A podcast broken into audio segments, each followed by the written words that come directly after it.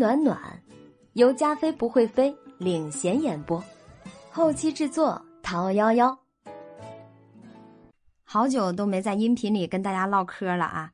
加菲这一次呢是带着一本非常好听的新书来跟大家推荐一下，《全师门就我一个废柴》在七猫网上一直是制霸前三名的，非常不错的一本女频。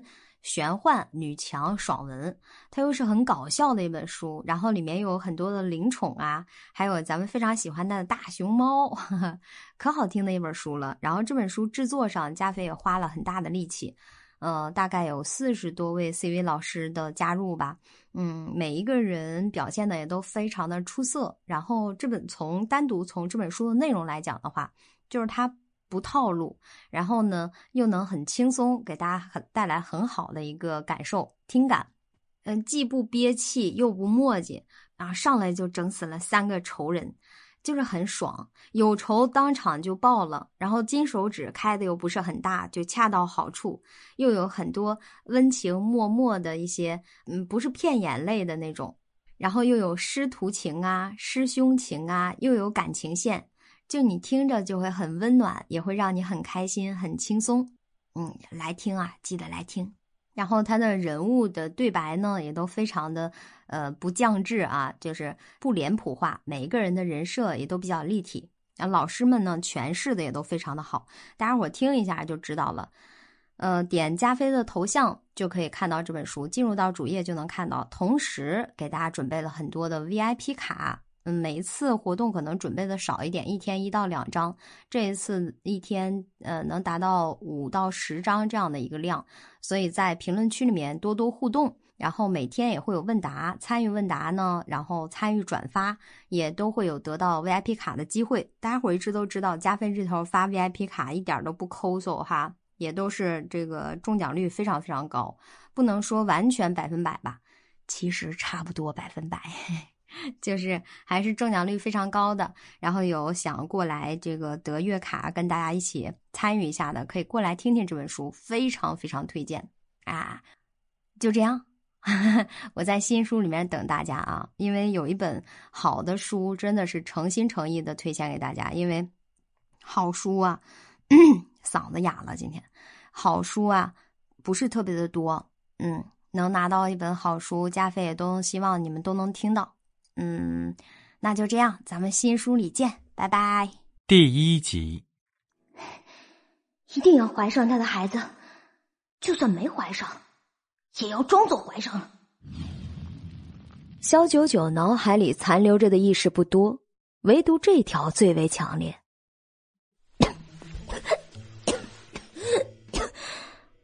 不知昏睡了多久，他猛地睁开眼睛。就像溺水濒死的人刚被救活过来，大口大口的呼吸着，却被嘴里的糊状物呛得直咳嗽。旁边还有一个只穿着一条裤衩的男人，正气急败坏的打着电话。哎，妈的，你们搞什么东西啊？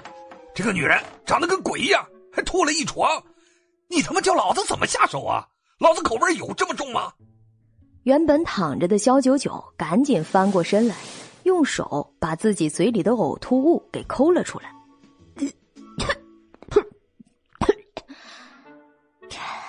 那股浓重的馊臭味儿让他猛烈的翻了个白眼儿。这做了几千年的神仙，见过各种各样的死法了，但他才刚刚接管了这具身体，原主就给了他这么大惊喜的，这还是头一次。不用说了。原主酗酒烂醉后呕吐，被自己的呕吐物堵住了呼吸道后窒息死亡。而这个只顾着打电话投诉的肥胖油腻男，甚至都没有注意到原主已经死了。搜索了一下接管原主的记忆，肖九九得知原主也叫肖九九，是个三线的小明星，有个谈了两年的男朋友叫薄一舟，后来被他的继妹肖晴晴给撬了。原主接受不了这个打击，便成天的作妖，喝酒泡吧，各种堕落，以为这样便能得到薄一舟的同情加关注。没想到男人变心以后，对他的所作所为除了嫌弃就是鄙视。原主的闺蜜江灿便出了个主意，让她给薄一舟下个套，以吃散伙饭为名约他出来，趁机在他酒里下药，然后搀扶到事先开好的酒店房间里，来个生米煮成熟饭。若是能成功怀孕，便是最好；若是不能，那也要假装怀上了，以此要挟薄一舟。如果不跟他复合，就带着娃一起跳楼，一尸两命。薄家那是三代单传呐，薄爸薄妈就盼着能有个女人，赶紧给自家儿子开枝散叶。如果听到怀孕的消息，光凭肚子里的孩子，也绝不能同意薄一舟对他不管不问。怪不得萧九九即便死了，脑海里还残留着这么强烈的念头，一定要怀上薄一舟的孩子。哼，果真。果真是个连智障都不如的女人呐！肖九九起身，看着身上和床上的呕吐物，恶心的心里直发毛，只想赶快去浴房冲洗干净。但那个还在打电话的男人又是怎么回事很明显呢，他并不是薄一舟。那他是谁呀？又为什么会和原主在房间里？眼下，肖九九暂且懒得去管这件事儿了。浑身的污秽让他难受至极。他径自走到那油腻男人身边，淡声命令道：“你马上出去。”男人抱怨的电话还没挂断呢，抬眼看到肖九九，就跟看到鬼一样，被肥肉挤成一条缝的眼睛猛烈的抖了抖，似乎有被辣到。嗯，你说什么？你听不懂人话？肖九九不耐烦了，眉头皱了皱，就是叫你滚出去的意思。语气虽然平静，但那股冷冽不容置疑的气势却叫人莫名的畏惧。肥胖男人一怔，不可置信的掏了掏耳朵：“ 你在跟老子开玩笑吧？嘿，也好啊，既然你醒了。”老子就勉强玩玩你，让你知道老子的厉害。说着，他伸手就要来拉肖九九，准备把他压到身子底下。虽说他这副尊容实在是辣眼睛，但今天真就这么走了，他心里也太过憋屈了。好歹也是花了钱的，不能白来一趟吧。然而他的手还没有够着肖九九，便听到咔嚓一声，随后就是一声。杀猪般的嚎叫！我的手！肥腻男只感觉自己的手一阵钻心的疼痛，却根本看不清楚肖九九到底是何时又是怎样出的手。对不起啊，不小心弄断了。肖九九说着，眼里却是没有半点的歉意。随后，他一只手拎着他后颈上的肥肉。硬生生的把这二百多斤的胖子从地上一路拖到了门口，随后打开门，毫不犹豫的抬腿，砰的一下踹到了外面。关上门后，肖九九再也没管那肥腻男人，直接冲到浴室里面洗了足足有一个小时的澡，用了两瓶沐浴露，对身上那股味道还是不甚满意。但当他洗完，穿上浴袍，走到镜子前。看到自己的那副尊容，咔嚓一声，镜子碎了。他，他多少体会到了刚才那油腻男的心情了。镜子里的女人，半张脸都爬满了密密麻麻的纹身，有一只眼的眼白染成了黑色，额头还穿了三个金色的环儿。看起来就跟那地狱来的撒旦没啥区别。面对这样倒胃口的脸，谁能下得去手？那还真的不是一般的重口味啊！肖九九现在觉得，原主不仅是智力智障那么简单，凭这样的尊容想挽回前任，薄一舟是一渣男，但可不是精神病。肖九九正想着怎么把脸弄干净。突然听到房门外面有人在说话，啊，怎么就只有个男的躺在这儿啊？肖九九呢？确定是他的房间吗？那还能有假呀？我可是拿到了可靠消息，不然也不会叫你们一起过来呀。大概他还在穿衣服吧。不如我们先拍这男的吧，等他出来，我们再拍几张他的照片，不就实锤了吗？喂，请问肖九九和你在一起的吗？他还有多久出来啊？记者们一边对着躺在地上的肥腻男咔嚓咔嚓一通猛拍，一边问道：“某肥腻男刚被肖九九踹那一脚，后腰上脊椎骨便匪夷所思的断了，他正疼得满头是汗，牙关紧闭。面对这些记者，蓄力半天，只说了五个字：‘滚你大爷的！’肖九九听力甚好。”隔着几道门，把这些人的话一字不漏的听了个清楚明白。他也立刻懂了，原主是遭人陷害了。这时，他放在洗漱台旁的手机响了起来，屏幕上显示的是小灿灿来电。肖九九故意等了好久，这才气定神闲的接起了电话。喂，尾音上扬，韵味十足。江灿估计也没想到，肖九九听上去心情挺不错的。愣了一会儿，看了手机，确定是打给的肖九九，便用十万火急的声音说道：“九九，你人在哪里啊？我们说好的，你把薄一舟喝趴下了，再给弄到帝景酒店二五零六号房间。怎么薄一舟自己打了车回家？你人呢？这都一晚上过去了，我好担心你啊！”肖九九听着所谓闺蜜对自己的关切，不由得笑了。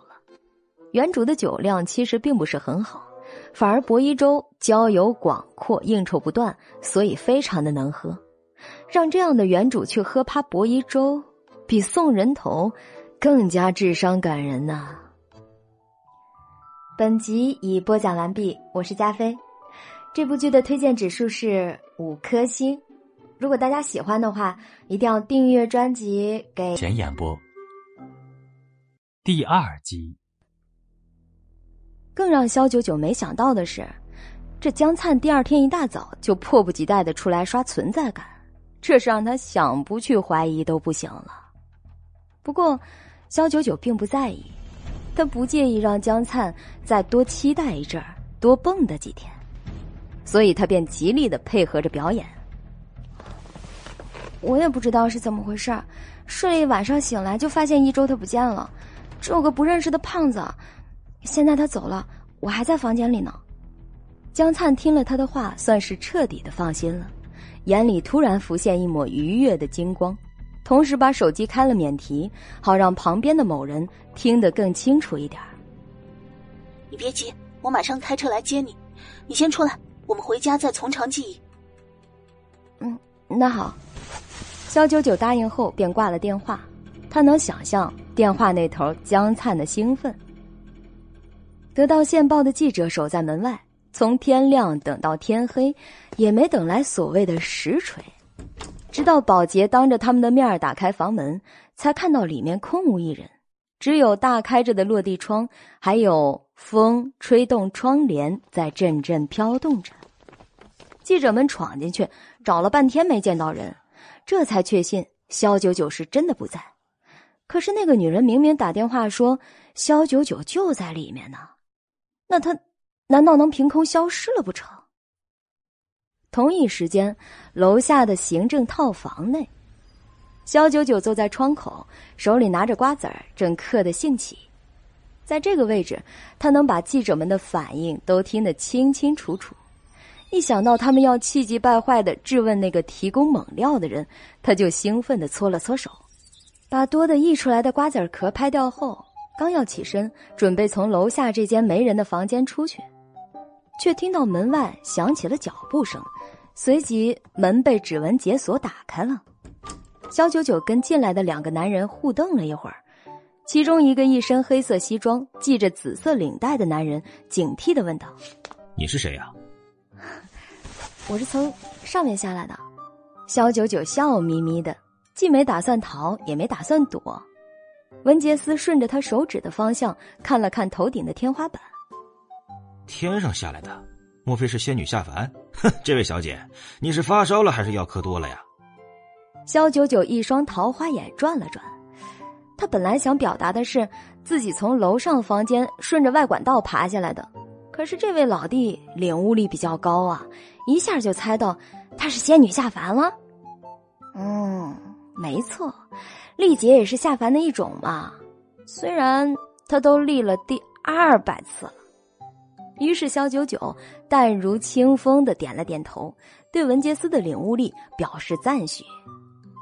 文杰斯怔了三秒，凑近旁边穿着一身棕灰色风衣、个子比他还要高出一头的男人。低语道：“先生，这个女人面貌狰狞啊，还闯进我们的房间，看着不像善类，要不要？”他悄悄做了个杀的手势。对于不速之客，这是他们惯常的做法。顾金飞看着面前的这个女人，眼底有一抹的疑惑。要说丑，她脸上的纹身、眼白的染色，还有眉骨上的穿环，确实有些吓人。可是偏生。他却有一股脱俗的气质，加上身材绝佳、仪态得体大方，这和他恶俗的打扮形成了强烈的对比。这两者本身就不该在同一个人身上出现。让他走就可以了。男人淡淡的说了几个字，如同大提琴的弦音，低沉动听，令萧九九不由得对他多看了一眼。文杰斯怀疑自己是不是听错了。他家先生向来不是什么心慈手软的主，对待这种可疑的女人，还有留着的道理吗？但对先生的话，他从来不敢质疑什么。于是，他也指了指天上，戏谑的对萧九九道：“那就请小姐从哪儿来回哪儿去吧，我家先生从不留客。”他私闯进来，对方没有追究，只是简单的下了逐客令。萧九九挺意外的，但也极其乐意配合。文杰斯对着门的方向朝他做了个请的手势，但肖九九却是不慌不忙的往阳台走去，然后一屁股坐在窗台上，看得文杰斯心里咯噔一下，以为他要自寻短见呢。我挺喜欢你的，你跟他们不一样。肖九九勾唇，眉眼弯弯的看向顾金飞，他们当然指的是楼上房间的那个胖子，还有外面的那些记者等等。顾金飞眼神明显一滞，文杰斯嘴角也抽了抽，这轻浮的语气怎么感觉像是在调戏他家先生啊？没等他们回过神儿，萧九九就像翻墙头一样，轻轻巧巧的纵身一跃。文杰斯快步追到阳台边就连喜怒不形于色的顾金飞眸底也染上了深深的愕然。但等他们去看的时候，想象中那惨烈的场面并没有出现，楼底下空无一物，萧九九就那样在他们眼皮子底下，宛如人间蒸发了。只有一阵风将他身上刚刚沐浴过的馨香味道吹了过来，提醒着顾金飞，刚才那个女人是真实存在的。离开帝景酒店，萧九九便按着原主的记忆打车到了他的家。琼海别墅，一座建造在海边的别墅，风景和空气都不是一般的好。能住在这种地方的人，不只是有钱，还很有品味。别墅前院有许多佣人在修整草木，本来还有说有笑的，看到肖九九回来，个个都像见了鬼一样，笑容凝固在了脸上，表情变得惊悚恐怖。修的不错。肖九九倒是不吝啬对佣人手艺的夸奖，但他的夸奖让佣人们惊得险些魂飞九重天。少奶奶，您千万别这样，我们如果有什么做错了，您尽管骂便是，求求您了。说着，几个佣人放下手里的园艺剪等工具，不约而同的扑通一声给他跪下了。少奶奶，萧九九眯了眯眼。想起来，原主跟薄一舟分手后，就被外公火速的许给了顾家二少爷。提到他的名讳，可以说是柳城几十万少女的噩梦了。据说顾二少又丑又变态，最喜欢折磨女人，然后看他们痛苦挣扎。肖九九虽然有一百个不愿意，但架不住外公一顿操作猛如虎，直接扔给他一个红本本，宣告他已为人妻的事实。而那个丑陋变态的顾二少，从头到尾都没有露过面儿，这座别墅也是从来没有来过。肖九九虽然不明白，从小宠着他的外公怎么无端的把他推进了火坑里？可实际上，结婚以来的三个月里，除了隐婚不许对外公开，他没有受到任何的约束，包括肖九九的父亲、继母和继妹都不知道他已婚的事情。原主便当作从没有结过婚一样，照旧每天缠着薄一舟要跟他复合。只是每当在薄一舟那儿受到了冷遇甚至白眼儿，他就想起这个素未谋面的顾二少的存在。让他跟薄一舟的前路变得更加的渺茫，原主气得牙痒，对这座别墅里的佣人也就没有了好脸色，除了隔三差五的人前作妖，回家便是对佣人各种挑刺儿，动辄打骂，因此让别墅里的佣人无不战战兢兢，如履薄冰。像这样一句简单的夸奖，令他们想都不敢想，所以才会有下跪认错的求生反应。起来，哭哭啼啼的像个什么样子？肖九九看着几个害怕到哭泣的小女佣，怜悯之心油然而生。听好了，今儿肖爷我心情好，第一个捡好的有一千块红包拿，第二个五百，第三名二百。众佣人嗖的一下站了起来，回到自己的位置，二话不说，马上开始开工。没有什么理由比少奶奶心情好更让人信服的了，何况还有红包的诱惑。有钱人的快乐就是这么的朴实无华而又低调。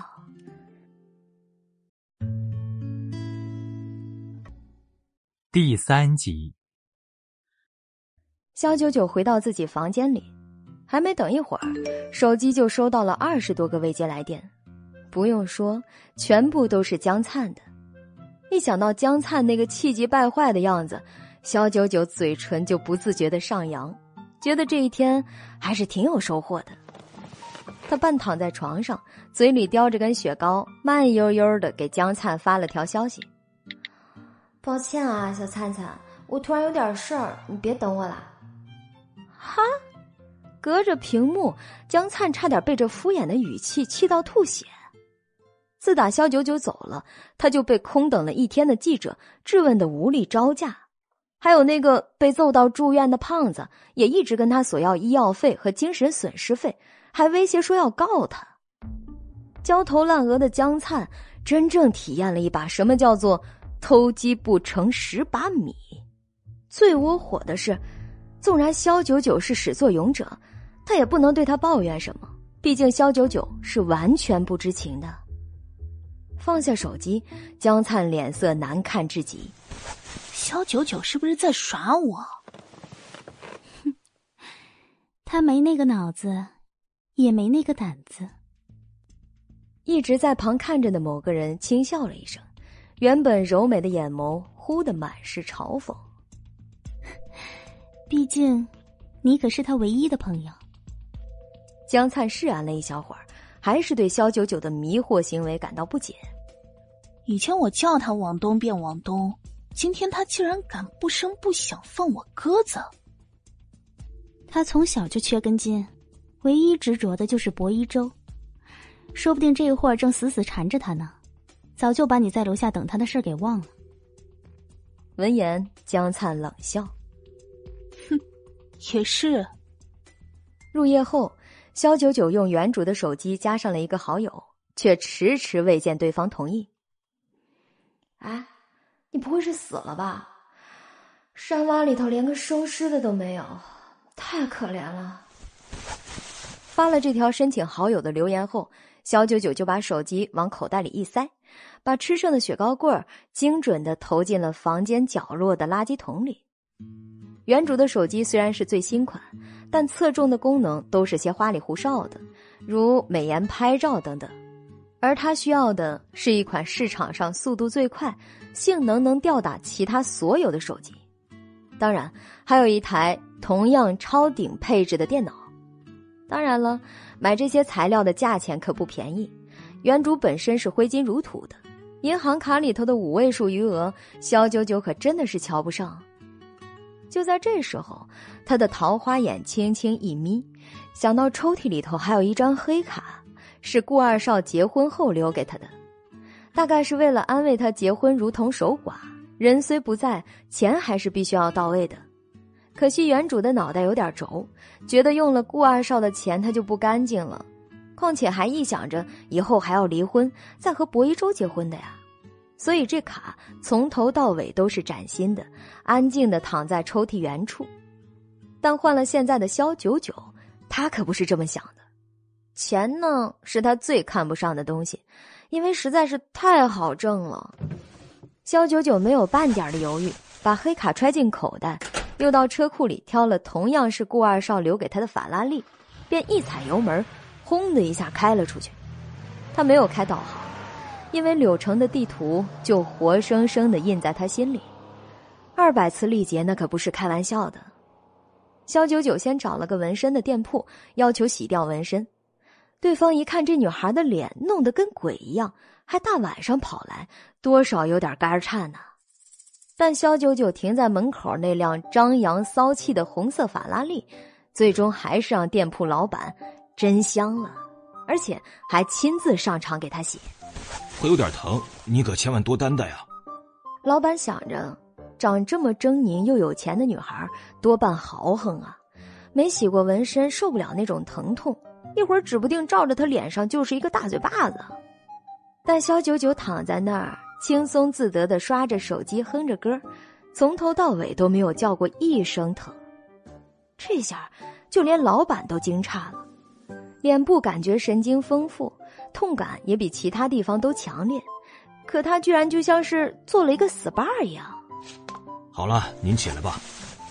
肖九九看着镜子里的自己，刚洗过纹身的半张脸有些发红，但整体看起来还是比之前那个狰狞的鬼样子好了不少。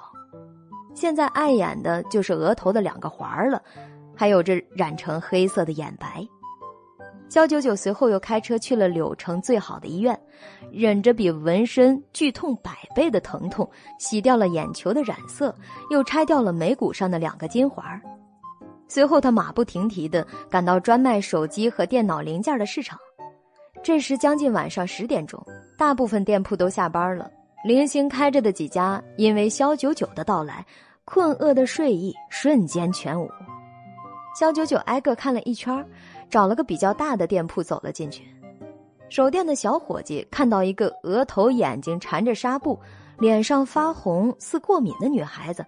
非常熟练的在各种零件堆里挑挑拣拣，最后提了整整两大包过来结账，还特别懂行的讨价还价，他的灵魂都被深深的震撼了，吃惊的嘴巴都闭不上，就是瞪着眼直愣愣的看着肖九九。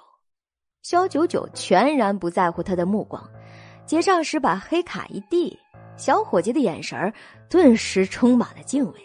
嘿嘿，这是个有故事的女人。可是，他不敢去猜故事的内容。开车回到别墅已经是深夜了，肖九九并没有急着睡觉，而是在自己的房间里拿着各式各样的工具，用他刚买的材料快速的拆卸、组装、焊接等等。不到一个小时，他就装好了一台崭新的电脑，所有的配置都是国际顶尖的水准。而手机则是买的整机后，自己换掉了里面不满意的零件。现在他可以确保自己的手机和电脑不仅超一流，而且是百分百安全私密的。他用新手机登录了聊天软件，看到要加的人已经通过了申请，对方还急匆匆的甩过来一个视频请求。视频接通后，只听“哐当”一声，那头的人手机掉地上黑屏了。哎，九九，啊不，萧爷，您这是被被打了？钱无意好不容易鼓起勇气，面对萧九九的木乃伊造型，问的话他自己都不信。其实他想问的是，普天之下还有谁敢动萧爷一根汗毛？反正他作为柳城的土地神，是从来没有见过。况且，萧九九下凡历劫二百次。如果能被打，那倒算是历劫获得丁点的成功了。可是他次次都是背逆天命，把历劫当成过节，这才是他的目的。嗨，你还活着呢，老钱！肖九九见到老熟人颇为开心，也不在乎他的嘴贱，而是反手似少女一样娇俏的抚摸了一下自己的脸庞。我没被打，也就是整了个容而已。把本来辣眼睛的造型恢复成原主原有的相貌，也算是一种整容吧。钱无义咕咚一声把口水咽了下去。整了个容而已。这种骚操作换作是别人，他可不信；但如果是萧九九的话，他只想无脑的疯狂打 call。把整容当吃饭一样，随便做完了就自个儿回家啊。这的确符合您的一向风格，在下大写加粗的佩服。反正前几世历劫的时候，对原主外貌不甚满意的萧爷，那就是二话不说直奔医院。对着自己的脸，咔咔一顿疯狂输出。第四集，我少来这套。萧九九嘴里轻斥，面上却是并无任何不悦。说正经事儿，我这次下来为了什么？你心里有数吧？对萧九九貌似漫不经心的疑问，钱无意却立即直起身子。清楚，你每一次的历劫。不都是为了他吗？再没有人会像萧九九一样，放着天庭擢升的机会不要，故意历劫失败，来来回回二百次，每一世都花费毕生的财力和精力，就为了找一个男人。萧九九的笑意敛住。那么有线索没有？柳城有一百三十万人，找起来的确不太容易。不过我在加派人手，相信过段时间定会有他的消息。你最好赶紧。小九九垂眸，失望的表情一览无遗。二百次历劫，二百世的寻找，可他始终杳无音信。小九九虽然比凡人更具耐心，却架不住一次次残酷的打击。他的坚持，真的能换来想要的结果吗？这时，肖九九手机上提示有别的电话打进来，本来不想接，但看到显示是经纪人妙姐的名字，他想想还是先中断了和钱无意的视频通话。肖九九，你是不是不想在娱乐圈混了？大半夜的跑去跟一个死胖子开房，你是缺钱缺疯了吗你？一接通电话，妙姐就唾沫星子飞溅，进行一通灵魂拷问。我不是，我没有，别瞎说。肖九九果断否认三连。电话那头，妙姐一顿，之后加大了音量，恨铁不成钢的嚎道：“你还敢说没有？网上都已经爆出视频了，你说没有？已经上热搜了，肖九九，你他妈红了，黑红黑红的那种。”肖九九闻言，立即打开电脑一顿搜索，果然看到自己在微博热搜第一名的位置。肖九九深夜酒店密会神秘男子，跟薄一舟分手后自暴自弃，上了新高度。视频中是帝景酒店房间门口，肖九九跟胖子前后脚进入的画面。虽然经过了时间剪辑，但从拍摄角度和画质能看出来。这是位于酒店走廊的监控探头拍摄的。肖九九勾起唇角，嘴巴里突然觉得有些寂寞，便从冰箱里又拿了根巧克力雪糕。看来这帮人没有拍到他们出房间的实锤，便换了套路，把监控给调出来了。哎，你说话呀！刚才你不还说你没有吗？那这个视频怎么解释啊？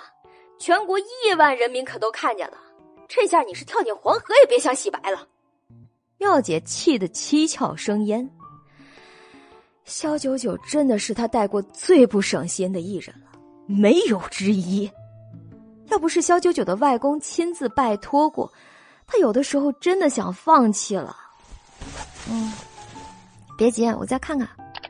肖九九有滋有味的吃着雪糕，鼠标轻点，画面下拉，一路看着网友的评论。这个肖九九可真是够不要脸的。被薄一舟甩了，就用各种下三滥的招数博同情，以为这样就能挽回吗？幸亏薄一舟眼没瞎，不然真是太可惜了。就这男的这体型儿，肖九九在床上估计能被直接压得断了气儿。那男的也没赚到啊！肖九九长得比鬼还难看，他俩在一块儿啊，整个一个惊悚片现场，想想就很刺激。嘿，肖九九，赶紧滚出娱乐圈吧！要演技没演技，要长相没长相，道德沦丧，公然到酒店卖，他就是个鸡眼，应该马上封杀他。这条要求封杀肖九九，还艾特了他的经纪公司的评论，获得了几十万的点赞。还有八万多条的回复，几乎都是一边倒的支持，偶尔有几个质疑视频内容的。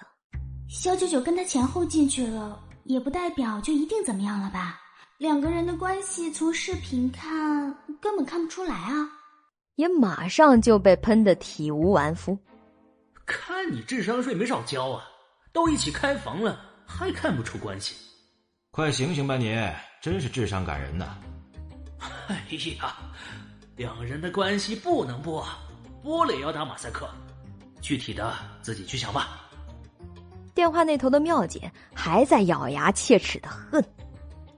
我看到这条热搜，马上请求公司动用关系撤掉，但公司根本就不愿意。愿意就怪了，像肖九九这样的三线小明星，一直没有什么流量，一年呢也难得接一部戏，演的还是边缘的配角。跟薄一舟分手，各种作妖，把自己弄毁容之后，更是连个龙套也跑不上了，通告长期为零。耀星娱乐旗下当红流量明星一大把，根本不可能为了他这样的艺人耗费财力的。肖九九嘴里含着一大口雪糕，无比淡然的对妙姐说道：“既然热搜不能撤，那也没办法，我请几天假吧，暂时不露面。”慢慢等热度下去就好了。听到这话，妙姐怒气不争的一拍桌子：“肖九九，你这什么态度啊？最起码你也要在微博上解解解释解释些什么吧。”作为一个明星，深陷负面新闻却一点都不着急，更没有想用什么办法自救。解释有用？以我现在万人喷的状况，不管我说什么，都只会被喷得更惨而已吧？妙姐一怔。慢慢冷静下来，不得不承认啊，他说的确实有道理。所以呢，我想休假几天，正好降降温，也省得你看着我心烦。小九九最后意味深长的说道：“指不定哪天事情突然就有转机了呢。”妙姐无力的扶额：“罢了，那你就休息几天吧，其他的事情我看着办。”小九九邪肆一笑。哼他等的就是这句话。他脸上几处伤口需要数天时间来恢复，闭门不出那是最好的。刚要挂断电话，突然听到妙姐又提高了嗓门，重重的吼道：“休假期间不要关机啊，一定要保证我随时都能联系到你。你听到没有，小九九？你听不懂？喂！”妙姐惊讶的看着手机屏幕，忍不住口吐芬芳：“我操，肖九九，那你敢挂我电话了？现在？”要知道，这肖九九虽然作的一塌糊涂，但是在他这个经纪人的面前，基本的敬畏心还是有的。而且搁在以前，摊上这种大事儿，肖九九肯定会亲自上门，声泪俱下的求他想办法帮他。现在倒像是换了一个人一样，他是大彻大悟了，还是破罐子破摔了？挂断电话之后的肖九九忍不住撇了撇嘴，啰里吧嗦的。烦人就是麻烦，破事儿一堆。他坐在电脑椅上，脚一蹬，瞬间滑到电脑跟前。顾金飞埋首在办公桌前，对着如山的文件逐个看着，表情沉冷。文杰斯从外面拎了几盒便当进来，放在他的办公桌上。先生，这是您爱吃的紫逸轩的饭菜，刚打包回来的，您快趁热吃吧。便当盒里的饭菜溢出的香味儿，仿佛就在人的鼻子底下萦绕勾引。文杰斯忍不住吞了吞口水，可是他家先生却埋着头，像是什么都没听见，也没闻见一般，一点都不像一个十二个小时都没进食的人。文杰斯早就习惯了他家工作狂老板的常态了，所以只是提醒一声后就没了言语。直到，直到他的肚子忽然发出一声惊天地泣鬼神的巨响，咕噜噜噜噜噜噜。大家好，我是公元之前啊，为了方便记忆，你们第五集。顾金飞这才抬起头来，看着一脸尴尬的文杰斯。好，你也还没吃，坐下一起吃点。文杰斯受宠若惊，忙把各自的餐具准备好，小心翼翼的坐在了顾金飞的对面。顾金飞即使用餐，眼睛都还是看着文件的，这让文杰斯觉得食物都变得没那么香了。他突然灵光一现的跟老板汇报起了工作来。哎，对了，先生，昨天您的卡里消费支出了十二万多，听说是少奶奶用了，需要我帮你查一下他的消费记录吗？顾金飞头也不抬的冷冷道：“不用。卡既然在结婚的时候给了他，就代表他可以随便用。反正这段婚姻有名无实，只要他花钱花的开心，他也就算心安理得了。”听说他是开着您的法拉利出去购物的。嗯，顾金飞依旧不为所动，甚至懒得说什么。好奇怪呀，这少奶奶以前从来不用您给的卡呀，也不会开您的车。听佣人说，她最近性情大变，动不动就会给他们发红包，说是心情好。发红包？顾金飞眸光一动，终于抬头。这可确实不太像那位萧家小姐的作风。听说她以前对佣人都是非打即骂的。答应跟他结婚，一方面是老爷子的安排，另一方面他正好借婚姻躲开诸多的骚扰，所以不管萧九九之前怎么作妖，他都充耳不闻。反正一切都在他的控制范围之内。但是，当他已经习惯了萧九九那低劣的路数，突然他改变了风格，这让他很不喜。呃，还有件事儿。管家反映说，少奶奶开着您的车出去消费以后，回来这脸上就缠满了绷带，好像是受了很严重的伤，吓了他们一大跳。但是少奶奶吃得香，睡得好，心情每天都挺好的，好像根本就没有当回事儿。顾金飞终于放下了手中的文件，表情也是越来越严肃。肖九九在家宅了两天，用新买的游戏手柄打游戏，打到昏天黑地。休息的时候，就看看微博上关于自己的那条热搜，到底发酵成了什么样子了。眼见网友的谩骂越来越肆意，小九九却跟吃瓜群众一样，拿着手机看得津津有味，眼都不眨一下。到了第三天，他的外公任洪川坐不住了，打电话叫他回去一趟。虽然表面上一派慈祥的说要一起吃吃饭，但肖九九知道。多半跟热搜是脱不了关系的。站在镜子前，肖九九看着脸上洗纹身的红肿已经退去，而额头和眼睛也不疼了，估摸着是可以拆掉纱布了。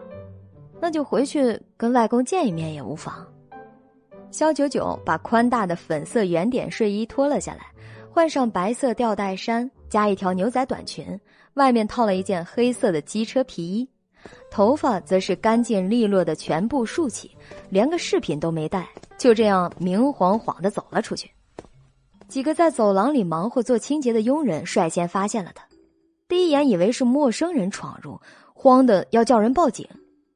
再一看，肖九九大摇大摆、不慌不忙的双手插兜，脸上带着淡淡的笑容，既痞又帅，且他的皮肤莹白如玉。脸上洗掉纹身以后，五官精致的无可挑剔。佣人们的视线刷刷的集中，全部呆呆的看着，忘了手里忙活的事儿，也忘了要报警抓他。辛苦了，亲爱的们，我有事要出去一趟，可能回来很晚。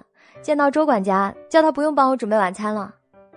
肖九九几天时间已经跟佣人混得很熟了。所以，上流社会那套主子和佣人之间的规则，基本都被他完全打破了。他对佣人们的管理只有四个字：随心所欲。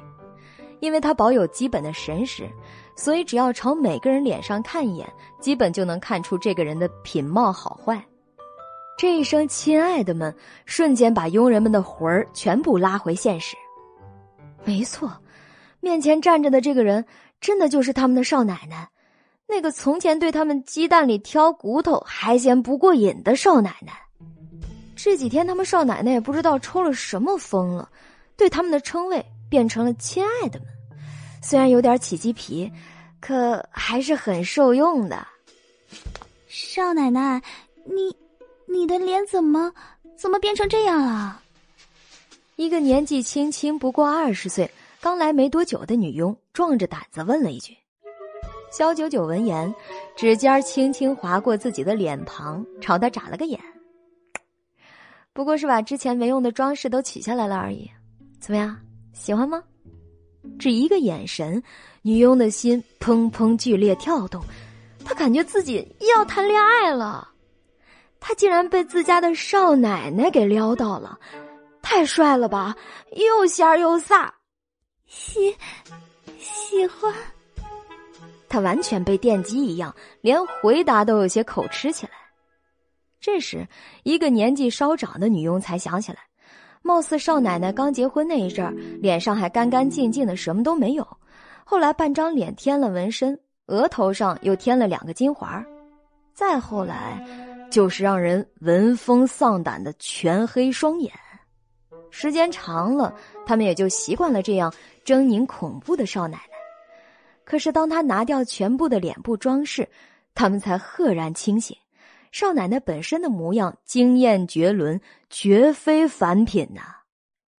就在佣人们沉迷的痴看之时，肖九九抱歉的一挥手：“我先走啦，亲爱的们。”一众佣人恋恋不舍，好不容易看到少奶奶的天仙颜值，可她却就这么走掉了，实在是舍不得呀，舍不得。佣人们史无前例的齐齐挤到门口，就为看一眼少奶奶开车的样子。当肖九九驾驶着红色的法拉利轰的一下出现，年轻的女佣双手捧脸，眼里直冒小心心呐。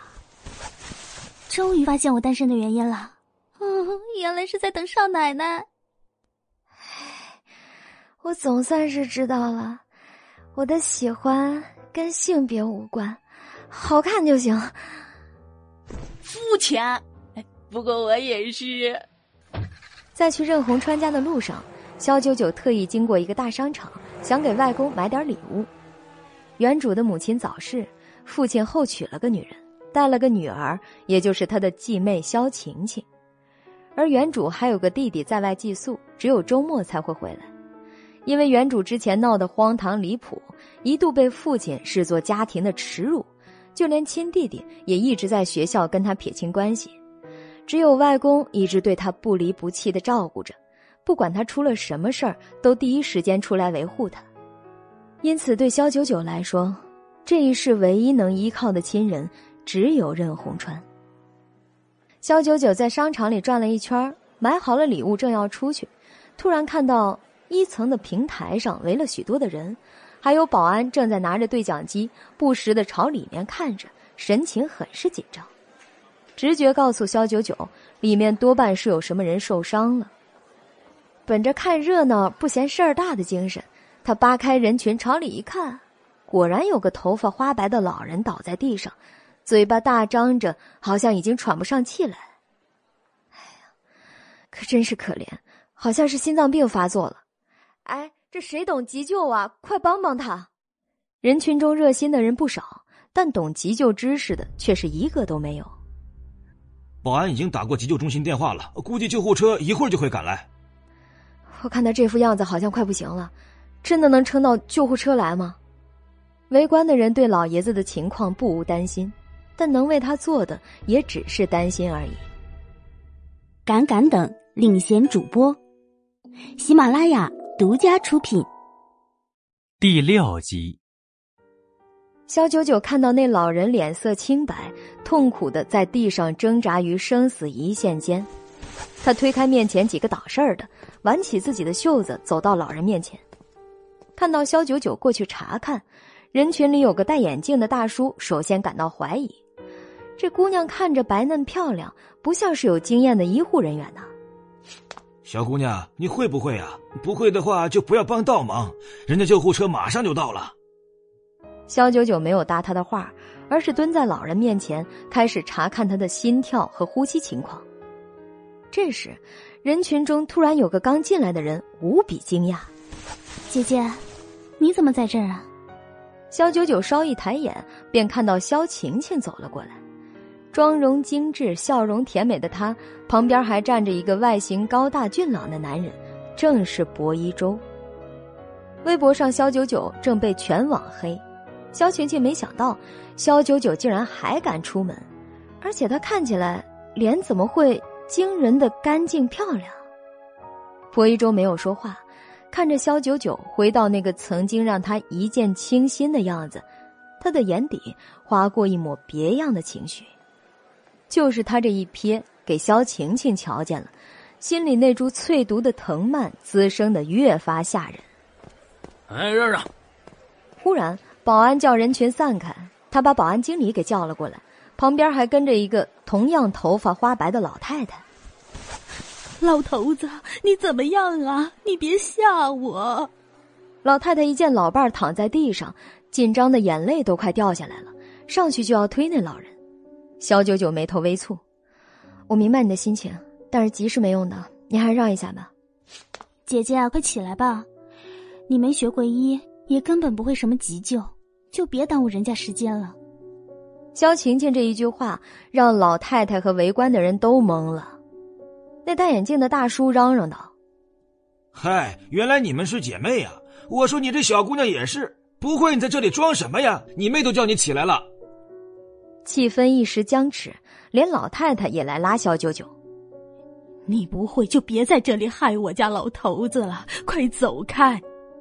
你们这些年轻人呐，真是的。”人群里也对肖九九指指点点的，还有人拿出手机开始拍。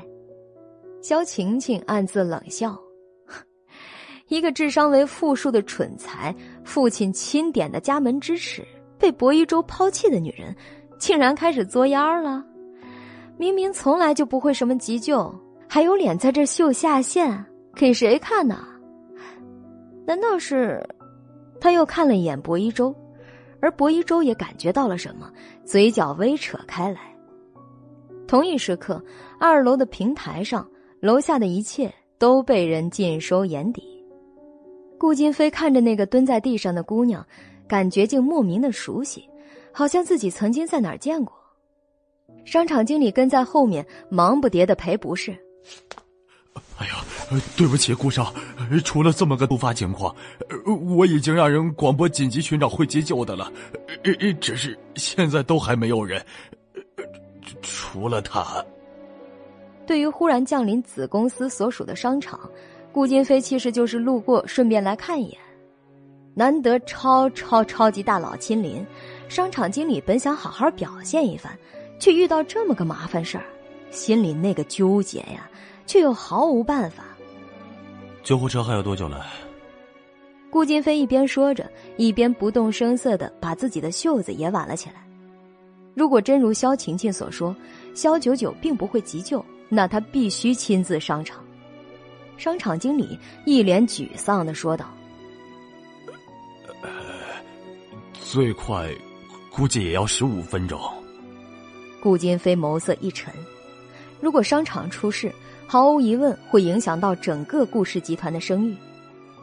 就在他长腿迈出，准备坐电梯下去的时候，就听肖九九对着人群低吼了一句：“可别吵了，闹得我脑壳疼，都没法集中注意力了。”经过初步判断，他基本确定老人还是有救的，只不过要迅速，还要有相当的技巧。只见他以非常专业的手势对准老人的心脏位置，用力的按压了下去。一下，两下，三下，人群都怔住了，鸦雀无声，谁也不敢在这个节骨眼说话。半分钟过去了，肖九九还在继续做着心肺复苏，接着又是一个半分钟。眼看着老爷子眼睛都闭上了，老太太心态接近崩溃，以为人抢救不回来了，正要嚎啕大哭。却听到老爷子突然“哈”一声大喘着粗气，眼睛突然瞪得溜圆，似乎是刚从鬼门关转了一圈回来。老太太一愣，人群也都是懵了，本以为快不行了的人，因为肖九九的坚持，居然救活了。这时候，本来要拍肖九九出糗的人，也慢慢的放下了手机。老太太看着活过来的老伴儿，不由得喜极成泣，场面甚是感人。哎呀，没想到啊，这个小姑娘还蛮厉害的呀！哼，多亏了她，这老爷子才活了下来，不然救护车来了，都危险的很呐。眼镜叔对肖九九的风评瞬间倒了个方向，人群也跟着对他交口称赞。只有肖晴晴，微不可察的咬了下唇，眼底满是疑惑和不甘。老爷子慢悠悠的苏醒，对着肖九九由衷的说了句：“谢谢。”老太太还想跟他说些什么，肖九九却起身，淡然的摆摆手：“人没事就行，其他的不用说了。”九九，当他经过薄一舟身边时，他突然开口叫住了肖九九。肖九九只是停留了数秒，转眸看到是这个渣男，顿觉倒胃口，只当什么都没看到，转身就走了。薄一舟完全愣住了，肖九九看他的眼神就像是在看一个陌生人，冷漠的不带半点感情，跟之前那个每天非他不可。要为他寻死觅活的肖九九截然不同，感觉就像跟换了个人一样的，这让他连顺其自然的夸他几句的机会都没有了。直到肖晴晴上来，挽住他的胳膊，柔声带着几分委屈的说道：“一周哥，我也不知道姐姐会急救，她从来没有跟我们说过，我以为……”肖九九怎么能凭着救一个老人就让薄一舟对他另眼相看？他不过是运气好罢了。薄一舟这才看了他一眼，大掌抚摸着他的小手，安慰的说道：“没关系，你又没有做错什么，你也是一片好心呐。”后面老太太、保安经理等还在叫着留个联系方式，肖九九就像聋了一样，好像刚刚救人不过是顺手的一件小事儿，根本就不放在心上。二楼同样目睹了全程的商场经理也感慨的说道：“哎呀，这位小姐真是潇洒呀！这不图名也不图利，哎，如今的社会很难得了。”顾金飞一直用目光把肖九九送出门去，连他自己都感觉不可思议的是，他竟然有种冲动，很想就这样追上去。他的身上有种奇特又熟悉的东西，像一股无形的力量在吸引着他。这是他生平第一次，第一次想要主动去接近一个女人。身后，文杰斯看了一眼腕表，低声提醒他道：“先生，已经不早了，您不是说要去一趟琼海别墅吗？”顾金飞这才收回目光，想起自己还有个名义上的妻子，而今天。就是他第一次去别墅里看望她，虽然这看望多少带了一些试探的成分。第七集，夜里八点半，肖九九方才到了外公任洪川家。任洪川住的是一幢中式庄园，佣人给他开门之后，任洪川人还没有出来，声音先从里面传了出来：“小王八羔子，这么晚才来。”你眼里还有没有我这个外公啊？肖九九一勾唇，主动迎上去，亲昵的挽着任洪川的胳膊。外公，人家这不是好久没来了吗？专门去给你挑了些礼物，怕你不喜欢，所以这才挑了好久，都忘了看时间了呀。任洪川就像被雷劈了一样，全身僵直，好久才悠悠的转过头看着肖九九。你真的是我的小王八羔子啊！不，你真的是我的外孙女吗？这位打扮的简单利落，脸上像剥了壳的煮鸡蛋一样白净，漂亮的恍若天仙的女孩子，她到底是谁呀？他几乎都快忘了小九九原本长得是什么样子，那可是他的心头肉啊！况且，他那个不省心的外孙女，每次来了不跟他吵架就不错了，更别说送什么礼物了。这么乖顺的事儿，根本就不像是他能做出来的。肖九九当然知道，原主仗着任鸿川的宠爱，不要命的折腾，害他三天两头的要跟在他后边擦屁股，几乎把老命给折腾掉半条。所以，当肖九九亲亲热热的依偎在任鸿川身边，冲他甜甜的一笑，当然啦，任鸿川全身酥麻，万分受用，早就把心头那点疑惑抛到九霄云外去了。这是他的亲外孙女，没错，只不过从前呢走了点歪路，现在改邪归正了，还是个好孩子。任洪川从心底发誓。一定要好好保护肖九九，不让他受一点委屈。外公，你你怎么流泪了？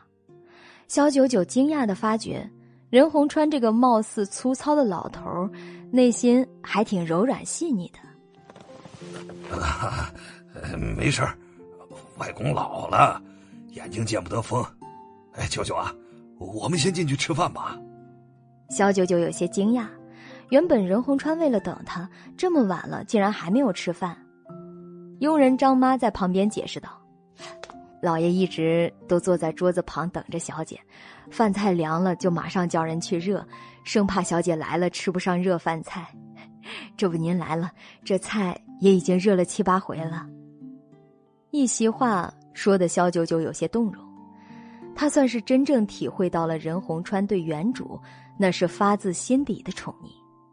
只可惜，原主太不懂得珍惜了，只白白的践踏了这份珍贵的亲情。祖孙二人一起吃了饭，肖九九把自己买的礼物呈到任洪川的面前，他欣然打开，见里面是一件玉雕的九龙杯。本来淘这类古玩呢，肖九九熟知柳城有几个上好的地方，但因为要赶时间，才勉强去了商场里的几家古玩店。任洪川一看这玲珑剔透的九龙杯，便爱不释手，因为他本身就是个行家，光看那玉的水头，便知道价钱不便宜。哎呀，哎呀，九九有心了，这是外公这辈子收到过最好的礼物。任洪川抱着九龙杯连连感叹，肖九九却浅笑着，心里想：若不是被限制在商场古玩店，只看出这么一件物有所值的珍品。凭他毒辣精准的眼光，会选个比这好上千百倍的。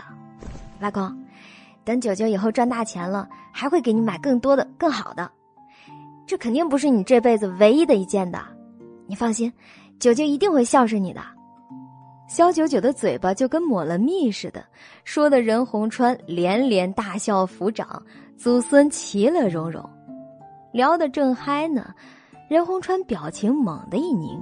突然想起了某个重要的事情，但是却又刻意装出漫不经心的样子，生怕破坏了祖孙二人之间久违的好气氛。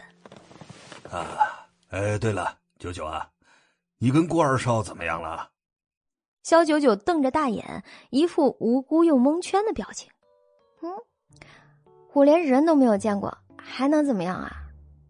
任红川花白的眉毛一拧。随即又绽开笑容，循循善诱道：“哼，小王八羔子，他不回家，你有事没事就打电话、发微信给他联络一下感情，朋友圈都发点照片，刷刷存在感。他只要看到了，肯定不会慢待你的。”肖九九浅笑盈盈，不急不缓的回道：“如果他心中有我，自会找我；如果没有，我大可不必上赶着倒贴。”这会失了我的身份，也丢了外公您的脸面，不是吗？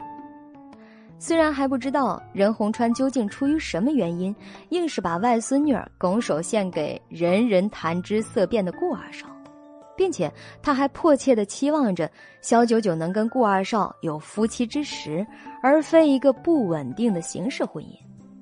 巧的是，人家公司近几年连连亏损，任洪川纵然久经战场。但毕竟廉颇老矣，回天乏术，人家的倒闭几乎是必然的趋势，除非得到巨额资产的援助来填补漏洞。而顾二少作为商界的神话，年纪轻轻，身价已过千亿，更遑论其背后富可敌国的顾氏家族。这一切放在一起，很难不让人联想到，莫非这是任洪川和顾二少之间的交易？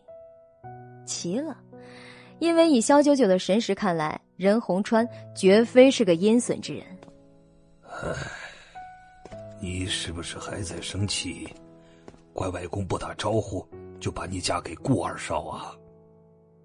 任洪川踱了几步，走到种满山茶花的花圃前，看向那晚风中轻轻颤动的粉色山茶。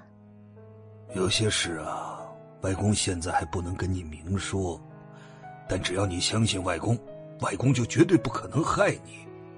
肖九九倒是不着急让任洪川揭示答案，相反，他饶有兴趣的抿唇。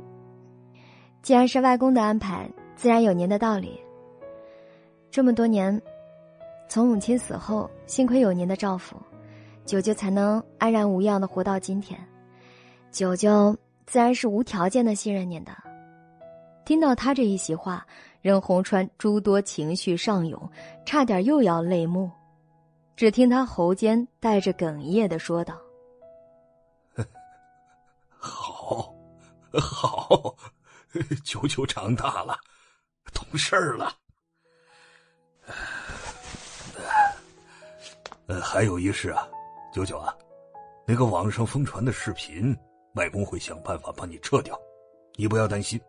这段时间呢，你只要乖乖待在家里，外公会帮你搞定一切的。其实，从网上爆出肖九九在酒店跟肥腻男开房视频开始，任洪川就一直在想办法。可惜这次肖九九惹的祸确实太大了，他基本已是无计可施。但为了肖九九，他哪怕倾尽所有又能如何？更何况肖九九现在已经改邪归正了，他愈加觉得，外孙女这么乖，他豁出老命去也要保护好她。任洪川拿出手机，本想看看肖九九的热搜发酵成什么样子，可是，在扫过一两眼后。他的表情肉眼可见的变成了愕然。什么？怎么会这样啊？九九，你快来看！肖九九伸头凑过去看了下，果然微博热搜第一位已经从“肖九九深夜酒店密会神秘男”变成了“肖九九被设计失身，前男友竟是最大嫌疑”。肖九九嘴角不着痕迹的勾起。全演播。第八集，任洪川点开视频，只见里头仍然是帝景酒店，但视频比之前要长，所以吃瓜群众惊讶的发现，肖九九是由一个戴着黑色鸭舌帽、穿着墨绿色潮牌大衣的男人搀扶着走到房间门口的，并非是之前流传的视频版本那样，一开始就是肖九九独自刷卡进房间。很显然，之前的视频被人恶意剪掉了男子搀扶的情节，且新视频的发布者还特意放大了左下角那男人的镜头。虽然他戴了鸭舌帽，但还是难逃吃瓜群众雪亮的眼睛。通过身高和五官的对比，不难判断他就是薄一舟。这下，微博的舆论变得两极分化，不少人因这段视频开始怀疑。肖九九只是个无辜的受害者。没想到啊，肖九九的前男友这么恶心，把醉酒的女友扶到酒店开房，再叫别的男人进去，这不摆明了想毁了他？之前那个视频是谁发布的？谁恶意剪辑误导大家？答案应该不用说了吧？所以说人心隔肚皮，亏得肖九九还那么喜欢他，为他寻死觅活的，真是替他不值。仔细看肖九九那个步伐。摇晃的那么厉害，基本不省人事，而后进来的胖子却很清醒。哎，小九九呀，估计全程都在做梦一样，根本没有想到他会被薄一舟给设计了。很快，无数黑粉涌进薄一舟的微博底下，怒骂薄一舟渣男、死骗子、不要脸。更有人跑进肖晴晴微博底下，顺带骂他是绿茶婊啊、装十三什么的。其实严格说来，薄一舟不算娱乐圈里的人，但之前肖九九失恋作妖太过，让他和肖晴晴都在网上曝了光，两人也就趁机炒作了一下，把舆论给彻底带跑偏了。加上薄一舟外表俊秀干净，又喜欢在网上晒腹肌、晒做饭、晒狗狗等，很是捕获了一大票的少女心，说他是可甜可盐、宝藏男孩等等。之后，肖九九把自己作到风评极差，网上也就顺势出现了一大波薄一舟和萧晴晴的 CP 粉，称他们两个人才是郎才女貌，养眼又登对。有黑粉骂薄情 CP，就有女友粉出来还击。他们在肖九九的热搜以及薄一舟的微博底下，跟黑粉吵得不可开交。那个男人哪像我们一周了？你们是不是眼睛都瞎了？没得黑了，什么都黑啊！脑残吧！这么模糊的画质都要硬说是一周，有本事拿出证据，没有证据就闭嘴。肖九九那个胡咖还需要一周动手毁他？他早就糊到三十八线以外了，好吗？因为搜索量和评论量过大，下午微博服务器还一度瘫痪，导致肖九九博一周事件整垮服务器也成了热搜之一。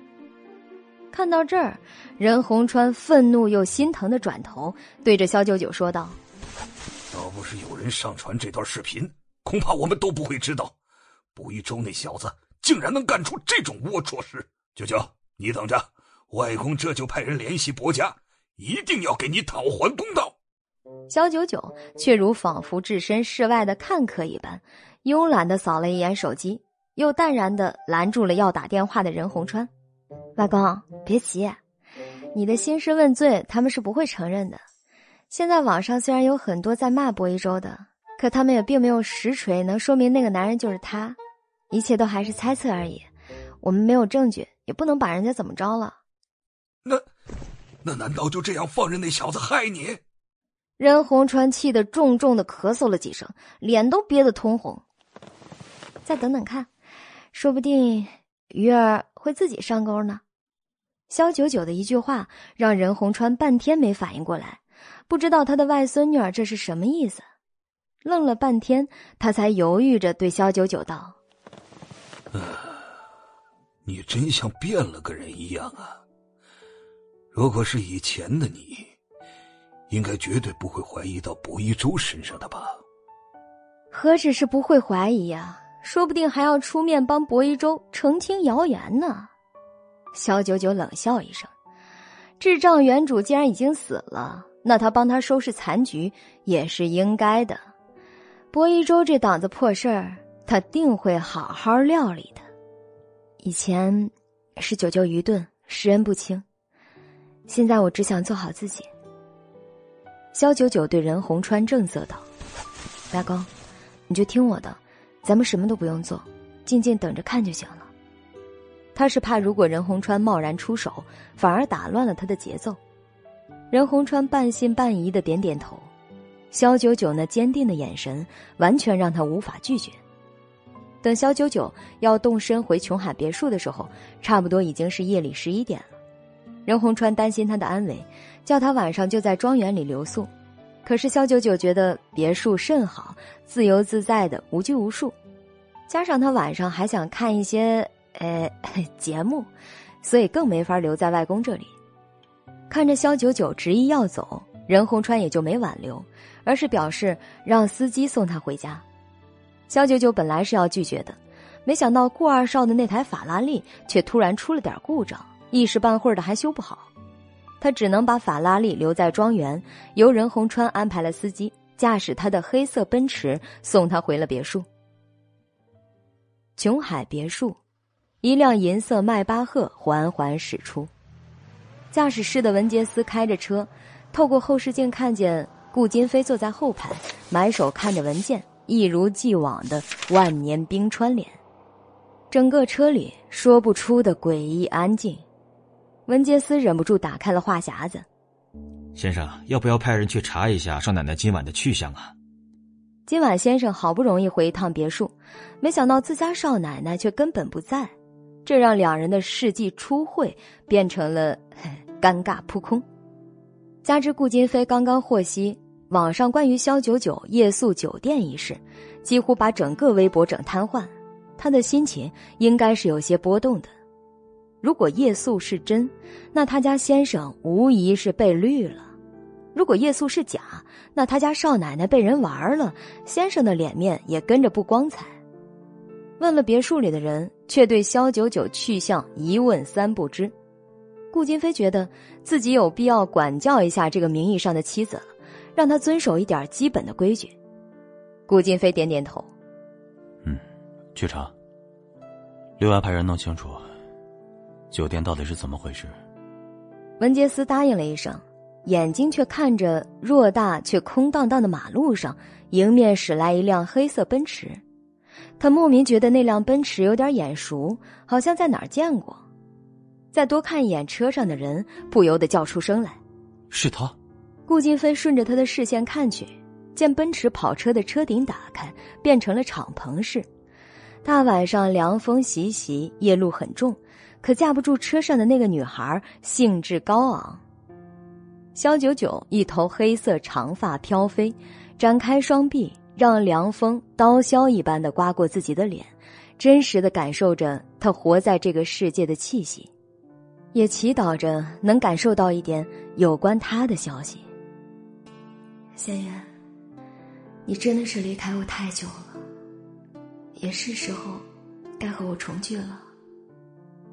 没有你消息的每一天，我的心都是空落落的，仿佛这个世界和我一点关系都没有。肖九九内心默念着，前面开车的司机却是忍不住瑟瑟发抖。小姐，风太大了，咱们还是把车顶关上吧。您别受了凉，我没法交代。肖九九睁开眼，目光却刚好跟擦肩而过的顾金飞对上，彼此车速都不低，但那个对视却好像很久很久。这于暖暖，由加菲不会飞领衔演播，后期制作。桃夭夭，第九集。哎呀，这男人好生眼熟啊！小九九终于记起来，他借用过他酒店的房间。没想到他会跟一个籍籍无名的小角色碰面两次。不过他的迈巴赫是真心不错啊。而顾金飞的视线却是久久的牵引着。直到肖九九的奔驰唰的一下过去，他难得的回过头看了会儿车的背影。先生，这么巧啊！昨晚刚遇到的那位小姐，她家也住这里。琼海别墅乃是顾金飞专门建造的私人别墅，紧挨着琼海别墅的还有一片别墅住宅区，许多商圈新贵都在这片买房置地。先生，您说那位小姐会是谁家的千金呢？要不然我帮你打听一下。文杰斯兴致勃勃的说着，没有注意到顾金飞的脸色已然有些不对劲儿了。扪心自问的说：“比起自家少奶奶，还是这位小姐更能引起他的兴趣。少奶奶除了每天给少爷惹祸、戴绿帽、不停整些幺蛾子外，就啥都没有了，就像个蔫儿巴巴的苹果，不想吃又不能扔，放着吧又怕烂了破坏空气。”而这个神仙小姐姐就不一样了，不仅脸蛋儿堪称绝色，且人美心善。这样的女孩，谁不想多看两眼呢？顾金飞收回目光，照旧埋首文件中。他承认，那个女人对他有一种莫名的吸引力，看到她就会有些情不自禁起来。这是任何其他女人都不具备的，但这并不意味着他要对她做什么。毕竟从名义上，他是个已婚者。文杰斯，以后不要再提他。今晚只是巧合，今后便是陌路。顾金飞冷沉的一席话，也快速的将文杰斯带回了现实中。自家少爷什么时候对女人有兴趣过？就连结婚，也只是随便找个人领证，草草了事，连像样的婚礼都没有办过一场。做了这么多年的钻石王老五，恐怕……他不是想遁入空门，就是灭情绝爱了。文杰斯双手握紧方向盘，一记油门加速，让迈巴赫光速般驶离。第二天一早，肖九九是被妙姐的电话吵醒的。肖九，你赶快来公司一趟，有人要见你。谁啊？我现在不出门的，跟你请过假了呀。有事让他过几天再说吧。小九九坐在床上，披散着一头如瀑的长发，嗓音慵懒。经过昨晚，他已料到妙姐会找他，所以一点儿都不奇怪。嗨，你还拽上了？我告诉你啊，这可是上面直接跟我交代的，限你十点半之前马上到公司来。你要不来，我就亲自去接你。赶紧收拾一下，我还有二十分钟到你家楼下了。肖九九快速的捋了一下。原主登记的住宅地址好像是他亲爹肖北望的家里，公司和家里两头都对他隐婚的事情毫不知情，除了任洪川，没人知道他早就搬到了琼海别墅。肖九九眯了眯眼，看着时间已经快九点了，而从琼海别墅到肖北站家一般最少要半个小时。扔下手机，懒懒起身后。肖九九对着落地窗外灿烂的阳光伸了个懒腰，哎呀！一夜好眠后，尽显娇艳欲滴的红唇，则是轻蔑的一瞥。烦人就是麻烦。肖九九火速收拾停当，驾车出门。清早在院子里忙碌的佣人们，眼都移不开的跟随着他的一举一动，不时发出赞叹。今天也是被少奶奶颜值征服的一天。十分钟后，肖九九便在肖北站家别墅前的马路上截停了妙姐的车。妙姐看着一辆奔驰挡住了她的道不耐烦的按了按喇叭，还摇下车窗，把头伸了出来，对肖九九喊话：“麻烦你让让，小姐，我有急事儿。我就站在你面前，你看我几分像从前？”肖九九下车，倚靠在车门边双手环胸，斜似的对妙姐一勾唇：“妙姐，你让我好等。”妙姐上下打量了一下肖九九，皮肤莹润剔透，眸光潋滟，绝美的五官在干净利落的妆容衬托下，更显得大气非常。她身上穿着一身蕾丝的长裙，外套一件简约的深灰条纹西装。这身剪裁得体的装束，把她包裹的刚刚好，很巧妙的凸显了身材，却又不会觉得有丝毫的艳俗。你你不会是肖肖九九吧？肖九九带着痞气的一点头。妙姐愣了数秒才反应过来，直接照着自己的脸一顿猛拍。呀，我不是在做梦吧？九九，你可算是回到正常的样子了。妙姐差点喜极而泣啊！自打一年前肖九九把自己整的人不人鬼不鬼，她怎么都无法劝他回头。也因为这极度影响感官的外形，肖九九几乎被公司雪藏了。现在肖九九竟自己开窍想通了，这怎能不让他意外和欣喜啊？沉浸在欣喜中不能自拔的妙姐，双眼放着金光。久违的拉起肖九九的手。今早我出门的时候啊，左眼皮狂跳，我就知道肯定要出大事儿。上面说有个大人物要见你，只手遮天的那种，你知道吧？我估计是来谈合作的。本来我还担心你样子被把人给吓跑了，现在这么一看，是我错了。我不是三十八线胡咖吗？怎么还有人来找我谈合作呀？再说我这种咖位的还用谈吗？一切公司做主不就好了？相较于妙姐的激动，肖九九面上和内心一样毫无波澜。这我也不知道啊，是金主要求当面跟你谈的，估计是博一周坑你的事太火了，感觉你要洗白了，金主趁着热度投资一把。虽然是带着赌的性质吧，但赢面还是挺大的。妙姐说着，翻了个白眼儿。那有钱人的世界，我们不需要问那么多。有合作可谈，总比闲在家里长毛强吧？小九九，我可跟你说清楚了，这次来的是真的爷，你给我伺候好了，只许谈成功，不许失败。他才把那个视频放到微博上，不过一天时间，网上正骂得水深火热，黑白难辨。是什么金主眼光这么独到，这么快就判断他一定能洗白？肖九九桃花眼微微上挑，不置可否，嘴角泛着难以琢磨的笑意。这样的他，让妙姐有一瞬间的恍惚。不管是气质还是性格、说话方式，似乎和以前的肖九九压根儿不是同一个人。但他迅速把自己拉回现实，管他怎么回事呢，先把来公司的那位大爷伺候好了再说。两人随即驾车，一前一后的向着公司驶去。本集已播讲完毕，我是加菲。这部剧的推荐指数是五颗星。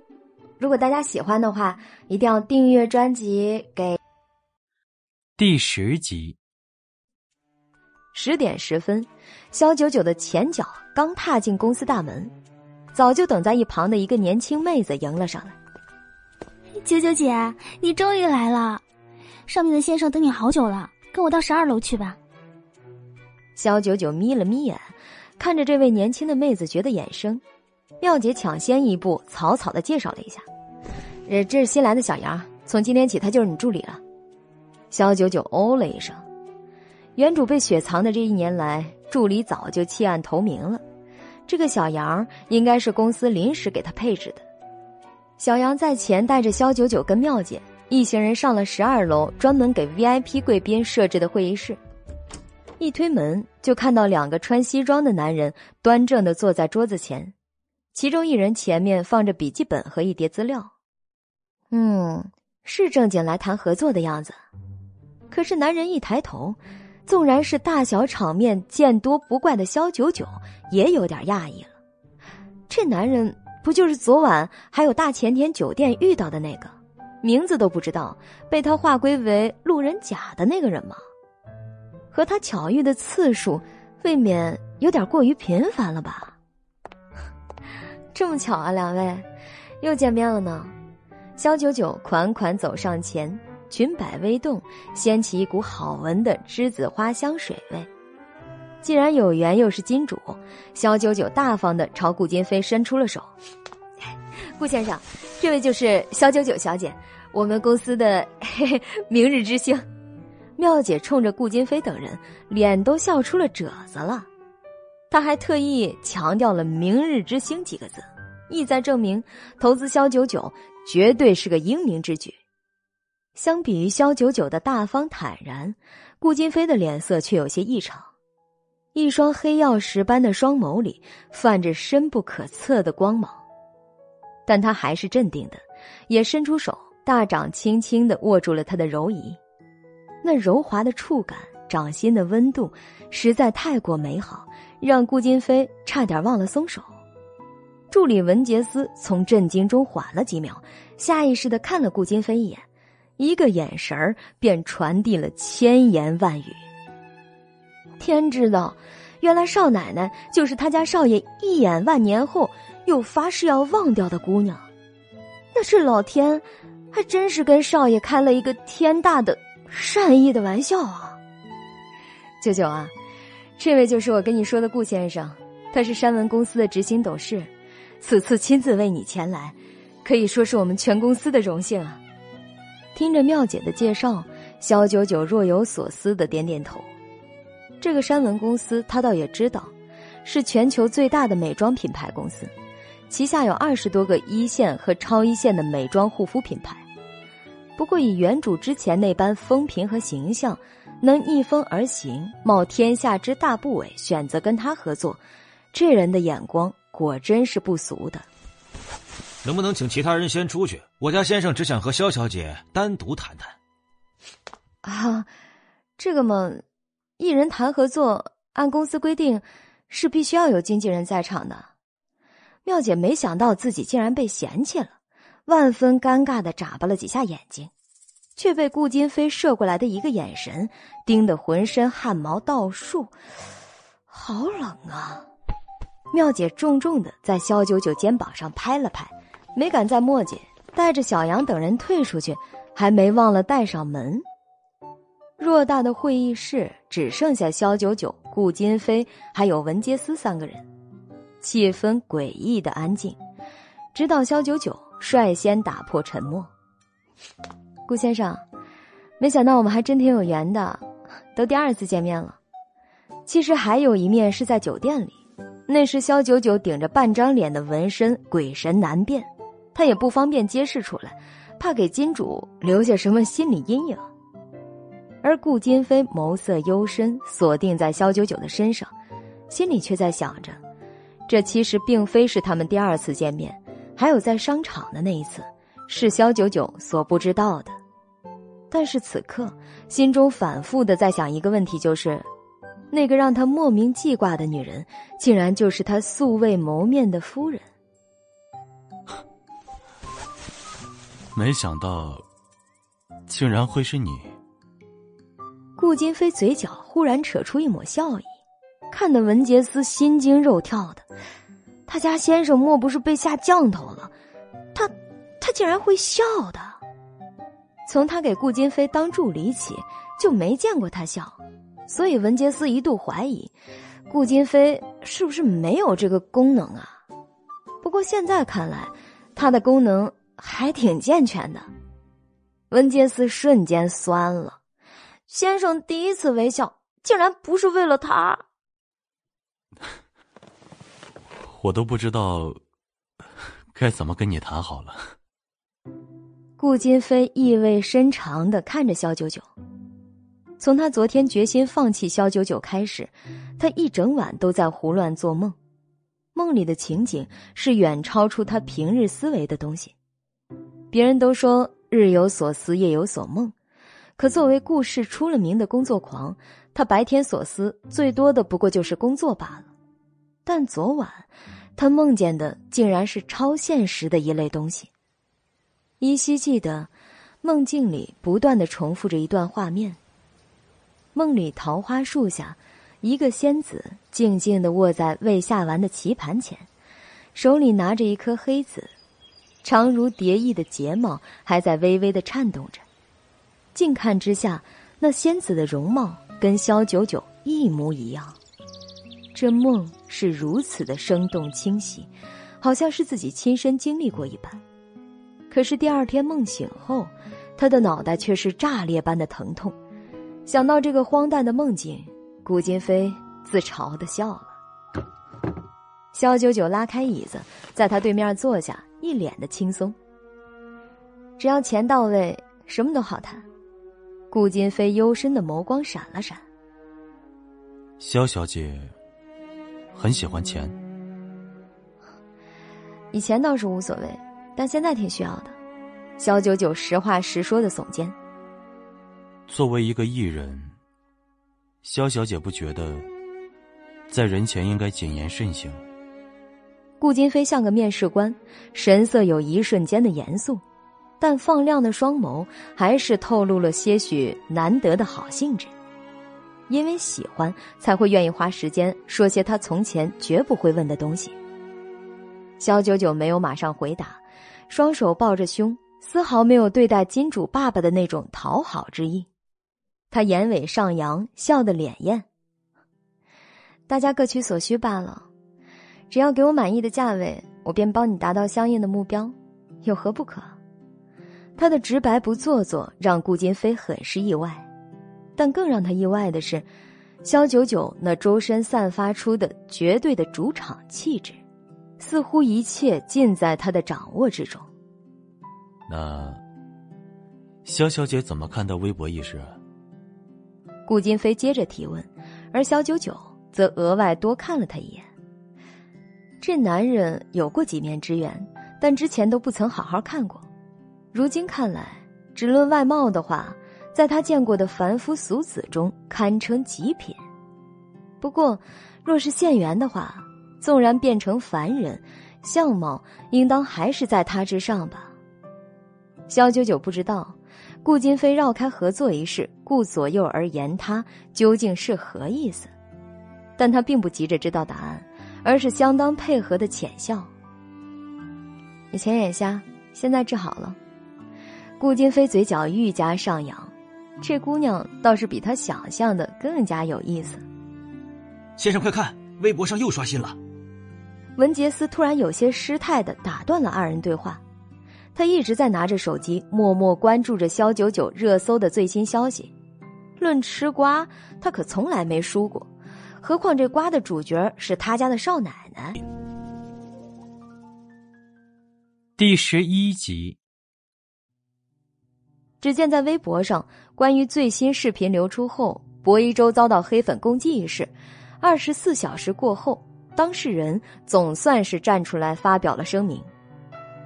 视频中男子绝非我本人，事发当晚本人并没有见过肖九九。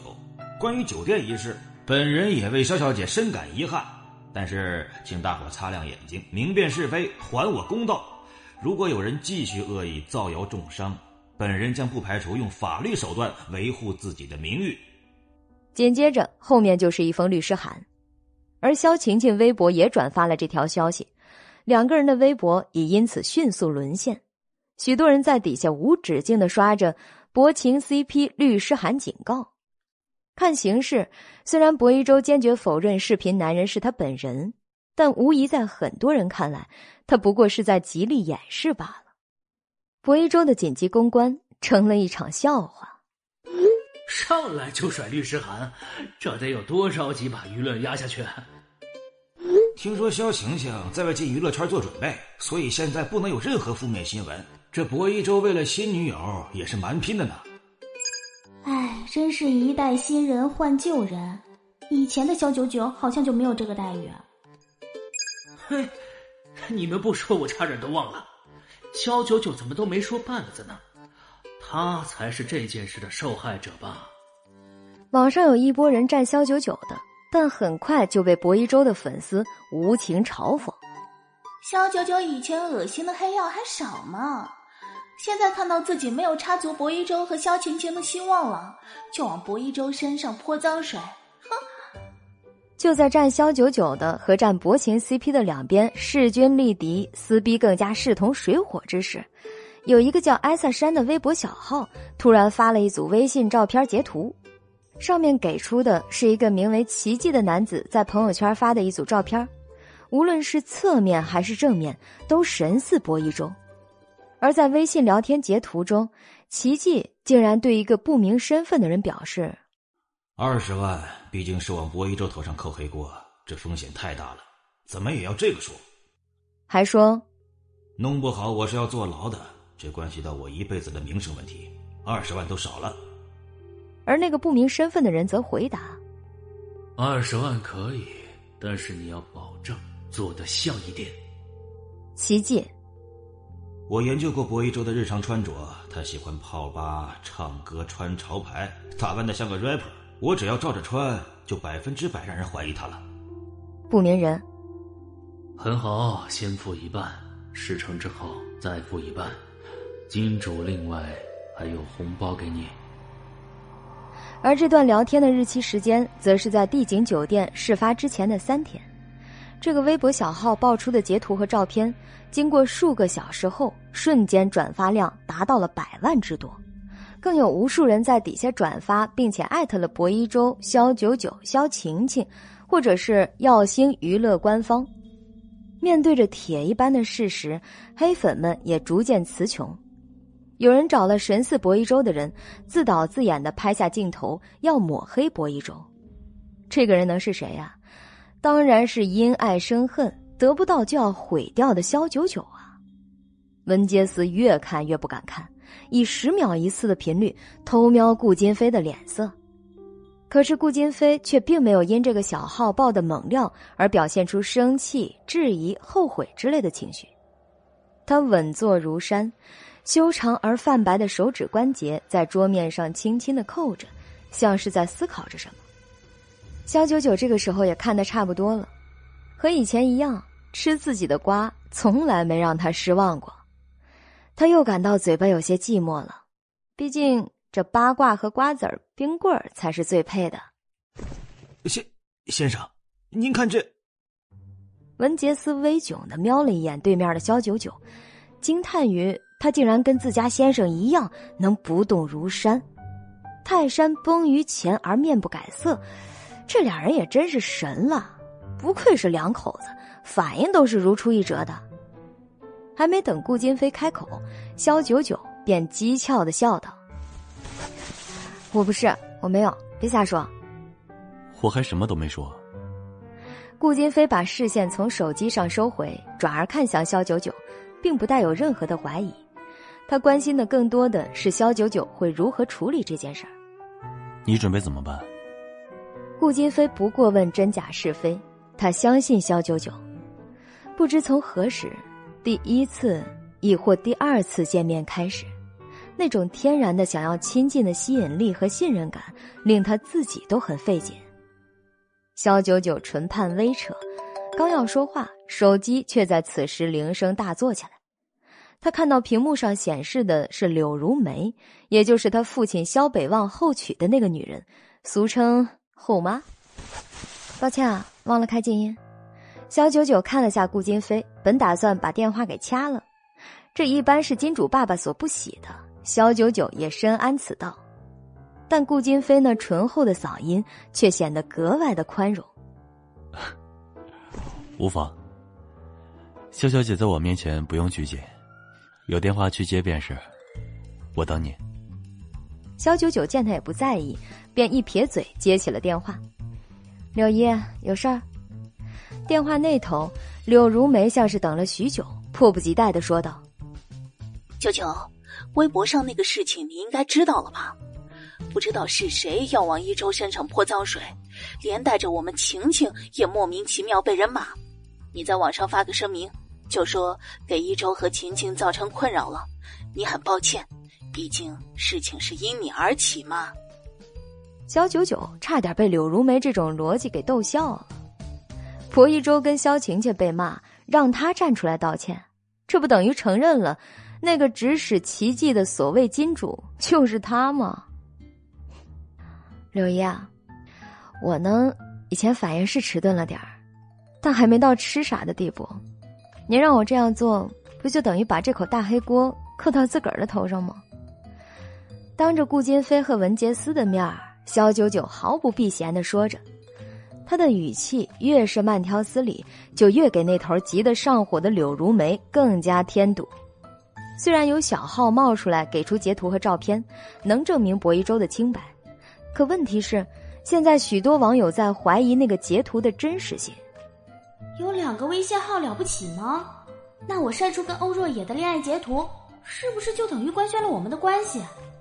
欧若野是当今超一线的流量小生，影视歌三期开花，星耀娱乐旗下炙手可热的大明星，更是无数妹子的梦中情人。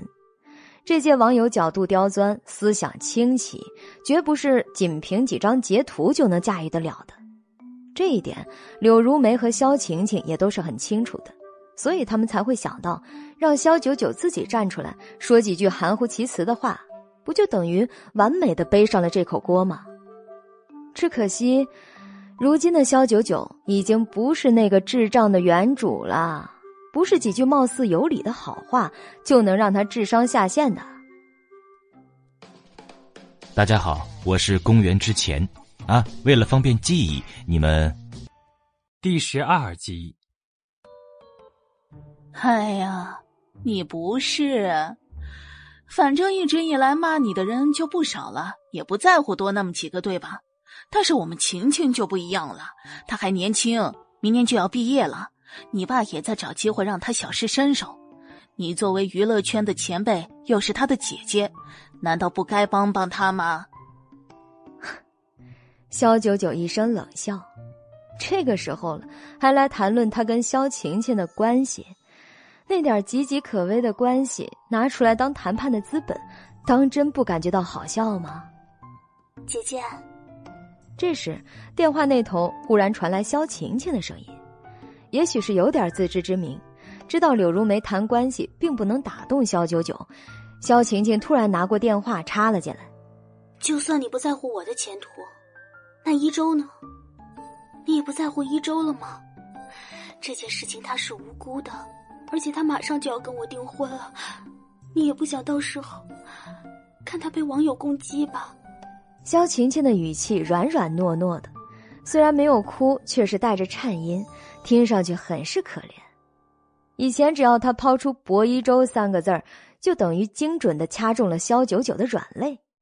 他以为这次当然也不会例外，可惜萧九九却毫不迟疑的回道。不在乎，不管是你还是他，跟我都没有半毛钱的关系，听到没有？以后不要再为这种破事儿来烦我了。我现在在跟亿万级别的金主谈合作，我很忙的。再见。说完，他就直接把电话给挂了。可以想象柳如梅和萧晴晴那难看的脸色，因为刚才电话是免提的，所以顾金飞从头到尾一字不漏的听完了全部内容。等萧九九挂完电话，顾金飞才嗓音沉沉的说道：“你的家庭关系比我想的要复杂。之前结婚的时候，他并不关心肖九九是何许人，只是知道他是个三线的小明星。对于他的家庭，他却是一无所知的。但现在看来，他这个后妈跟继妹都不是什么省油的灯。肖九九在这样的家庭里。”难怪性子被打磨的有些奇特，复杂，一直都挺复杂的。你要是有兴趣的话，改天我慢慢跟你说。肖九九突然转过身来，踮起脚尖冲着顾金飞一眨眼，似笑非笑的眼神里别有一种风情。像文杰斯这样的旁观者见了，都不免心脏漏跳一拍。哎呀妈呀，他家少奶奶也太撩了吧！不过，谁让他碰上了万年冰山的少爷呢？他可是坐怀不乱的类型。顾金飞面上与往常无异，眼底却有着一抹难以察觉的凝滞。他的眉心不由自主的拧了一下，为自己刚才那从未有过的感觉感到了一丝诧异。喜欢一个人，原来就是这样吗？有兴趣？沉默半晌后。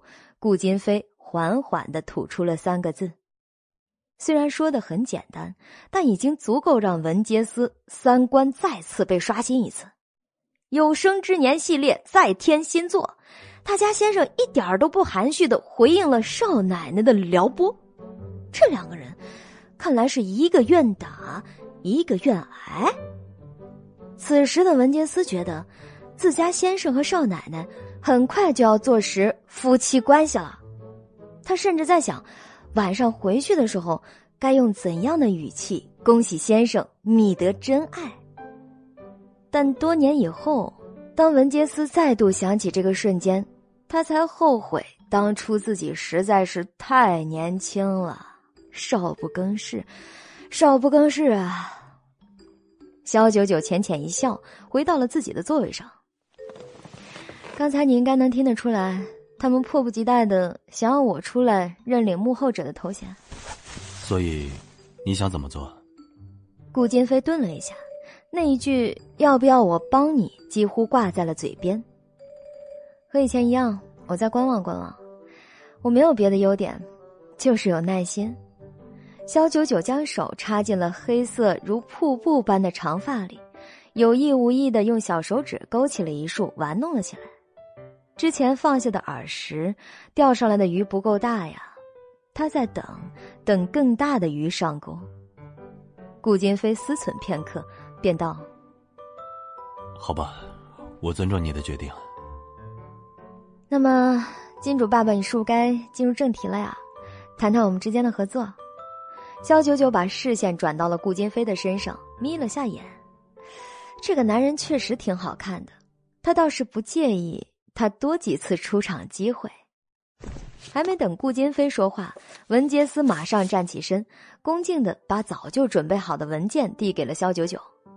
这次主要是想请肖小姐为我们文山旗下的朵蕾系列护肤品代言，至于代言费嘛，大约六百万，肖小姐觉得如何呀？肖九九迅速的扫了一下文件，六百万是少了点儿。不过，一直用那个素昧平生的老公的黑卡，也有不少的不方便。财富的积累是从少到多的过程。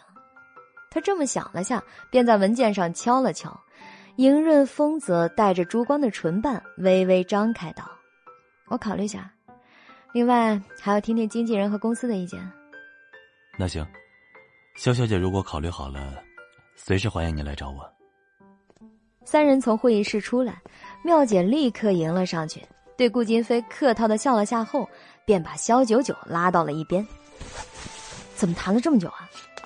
肖九九看了下手机，在里面跟顾金飞单独聊了两个小时，谈合作却只用了一刻钟。因为金主是个谨慎的人，妙姐一听，立即信服的点点头。这个风口浪尖上不谨慎不行啊！那你们谈的怎么样了？肖九九把文件塞给妙姐，妙姐一目十行的看完了，直到最后的六百万，差点当场晕过去。我操！我操！六百万！肖九九嫌弃的别过头去。好歹也是大娱乐公司的经纪人呐，怎么整的跟没见过钱似的呀？小九九，你知道你上一代代言是多久以前吗？又是多少钱吗？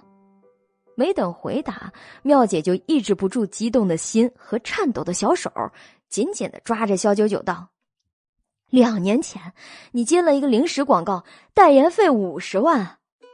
要是没有今天这一出，妙姐几乎以为那五十万。”就是肖九九的人生巅峰了，没想到他竟然能活着看到肖九九接到一个一个逼近一线水准的代言，这就意味着公司雪藏他的事实被破冰了。三十八线明星的肖九九终于重见天日了。肖九九未置可否的笑笑。他知道这个六百万的代言只不过是个开始而已。一直到走出耀星娱乐公司的大门，文杰斯的脚步还像做梦一样那么不扎实。他怎么都弄不明白，顾金飞怎么就错过了这么大好的机会，没有跟肖九九他。第十三集，在今天以前，他们在琼海别墅没见到过肖九九。于是计划着直接到耀星来见他，广告代言都是次要的，主要是想间接的给肖九九一点警告，让他不要给顾金飞惹太多的麻烦。毕竟他家先生日理万机，是真的很忙，他也不想今后浪费哪怕几分钟为他分神。若不是为了警告肖九九，他也不会推了两个行程，亲自跑到他的公司来。可是从跟肖九九真人见面开始。一切计划都被打乱了，警告是不存在的。少爷喜欢的，那自然都是合理的，包括少奶奶全部的所作所为。那么喜欢，就趁着大好的独处机会，摊牌自己身份，再行使一下老公的权利，那多香啊！难道是因为他文杰斯的存在，变成了他们之间的灯泡，所以他家先生才不便袒露心声？文杰斯想了好久也没想通，于是只能旁敲侧击：“先生，当真要把这代言给肖小姐做吗？”徐少奶奶。顾金飞步履轻快，目不斜视，纠正他的称谓也是快很准。文杰斯点头：“是，那先生不怕少奶奶代言会给产品带来负面效应啊？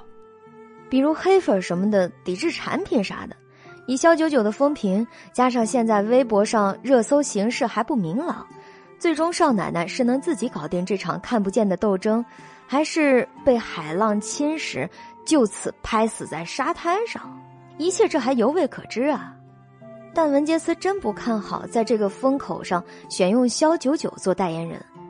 先生从来都不会做不理智的事情，这次却是例外了。顾金飞薄唇微抿，眸光会深。他说他需要钱，这个代言如果能让他如愿，便是值得的。其他的什么效应，不在考虑之内。朵蕾系列相对于庞大如帝国般的故事，便宛如沙漠里的一只蚂蚁，可有可无。总体上并不会对故事产生任何的影响。如果肖九九愿意，就让他玩玩好了。文杰斯应了声：“是。”不敢再多做评论。他家先生办事儿，有时是诡异莫测的。当晚，肖九九接到了来自肖北望的电话，语气生硬的要求他回家一趟，并且强调道：“肖远也在家里，学校催学费了，我帮他交上了。”言外之意，你欠我一个天大的人情，赶紧回来还给我。不知道的还以为他们姐弟俩 是他捡来的呢。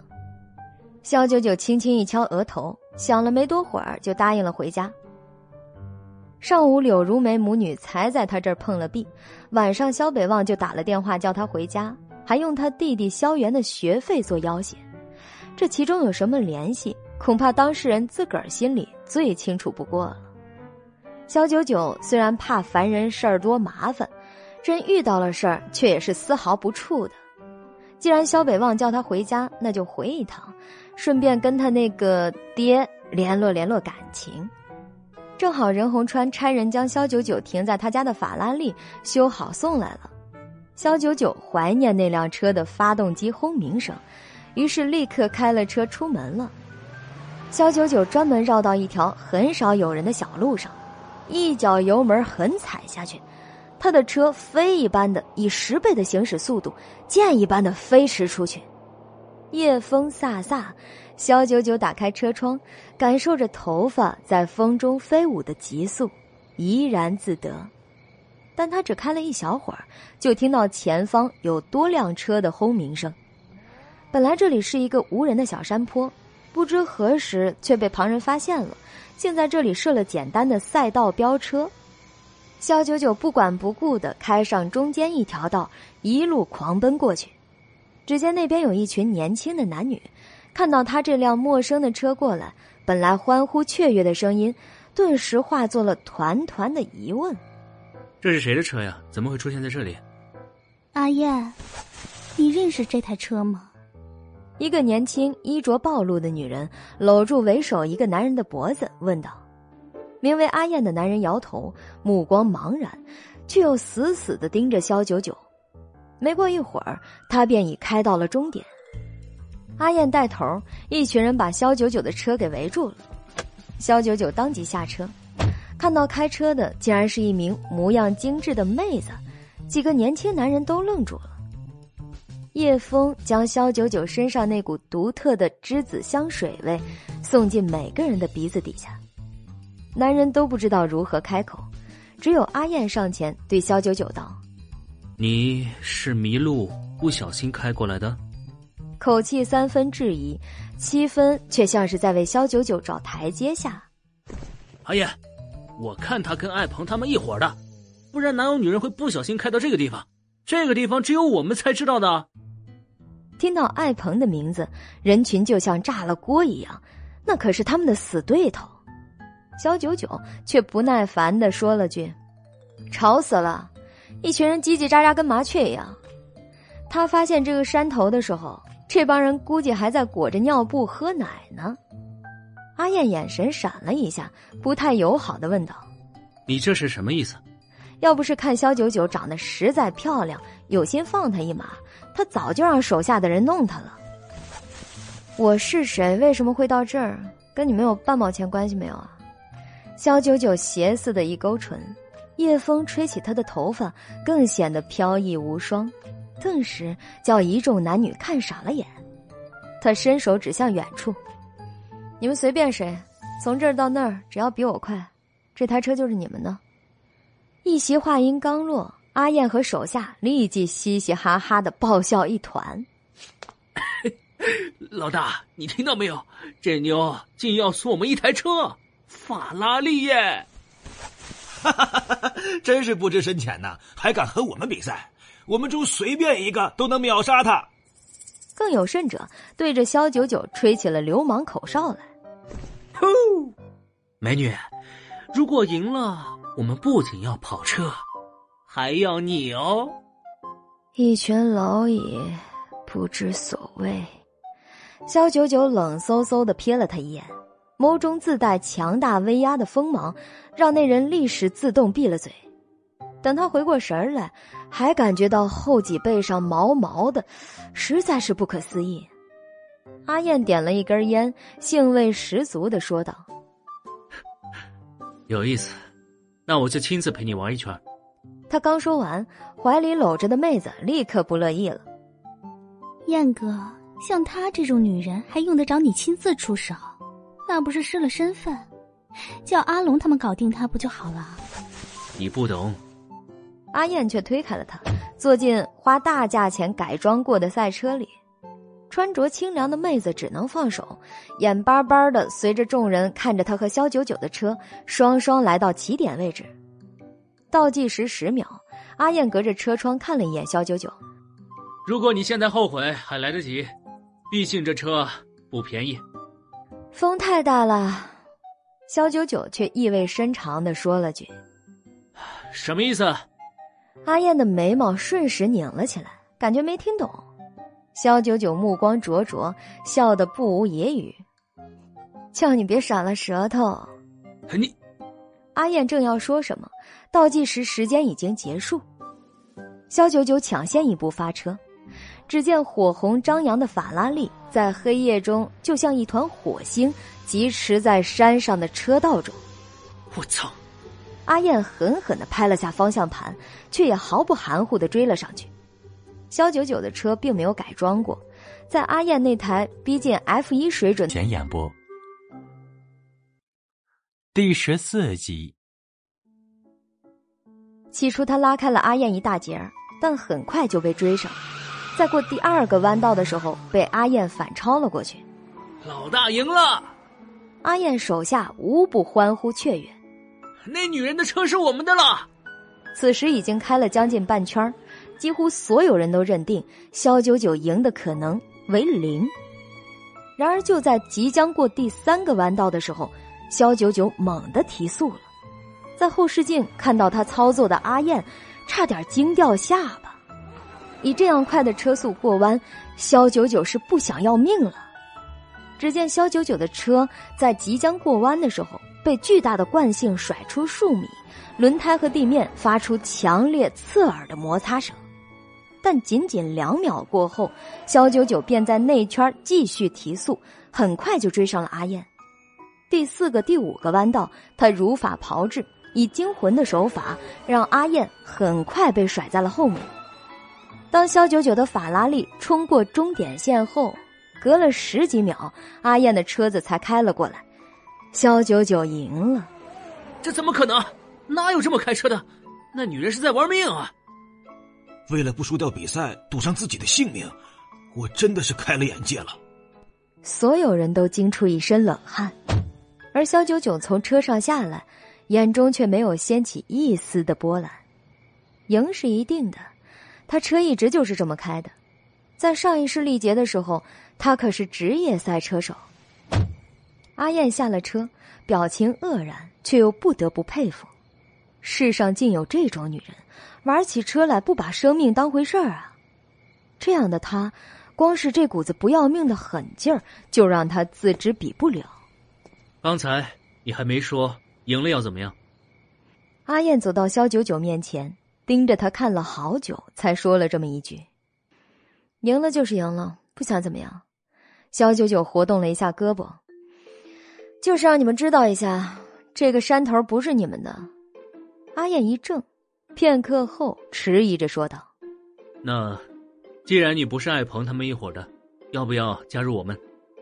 燕哥，身后清凉妹子跺脚，满脸的不情愿：“你怎么能收一个来历不明的人呢？”闭嘴！你太吵了。阿燕侧过头去，不悦的说道：“妹子没敢再作声了。”肖九九看了下手机，陪这群人玩花了他整整半个小时。对不起啊，没兴趣。说罢就发动车子准备离开。阿燕却是不死心的追上，一手把住了他的车门，道：“你叫什么名字？既然我输了，那就请你吃顿饭，地点你挑，如何？”手下一群人都眼睁睁的看着阿燕撩妹，关键是好像还撩不上。肖九九甚至懒得回答半个字儿，一脚油门狂飙出好远，只留给他一个背影。老老大，这个女人真的是太不识抬举了，要不要帮你查一查她是什么来历？改天我们好好教训她一下。阿龙看阿燕讪讪的站在原地，便狗腿的贴上去，对他耳语道：“屁话。”教训什么？我今天输的，心服口服的。阿燕看着肖九九离去的身影，脑海里突然有一个大胆的想法：如果是他和那个人比赛，到底能有多少赢面？肖九九开车到了肖北望的公寓楼下，刚刚熄火，就看到旁边的小路上有一男一女正走过来。男的一路走，还一路给女的捶背按肩，满脸讨好的样子。姐，我就知道你对我最好了，要不是你，爸才不会给我学费呢。以后我就唯姐马首是瞻。一番社会的赌咒发誓，惹得女人咯咯娇笑不停，也笑得萧九九起了一身的鸡皮疙瘩。我就你这么一个弟弟，我不对你好，谁对你好啊？不过你可不止我一个姐姐，你还有萧九九呢。有什么事儿他也能帮你，不是吗？快得了吧！就那个扫把星，每天都给家里闯祸丢脸，喊他一声姐，我都嫌丢人。以后我就只有你一个姐。萧晴晴听到萧元一个劲儿的恭维他，心花怒放，无比受用。萧九九那个废材，连自己的亲弟弟都瞧不上他，还有什么可骄傲的？跟他争，他也配吗？两人走到家门口，看见萧九九懒懒的倚在车前，双手抱胸。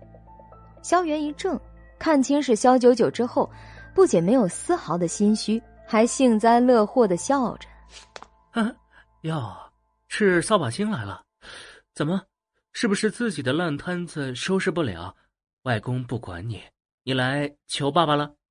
萧九九不恼，也没有搭理他，只看了二人一眼，道。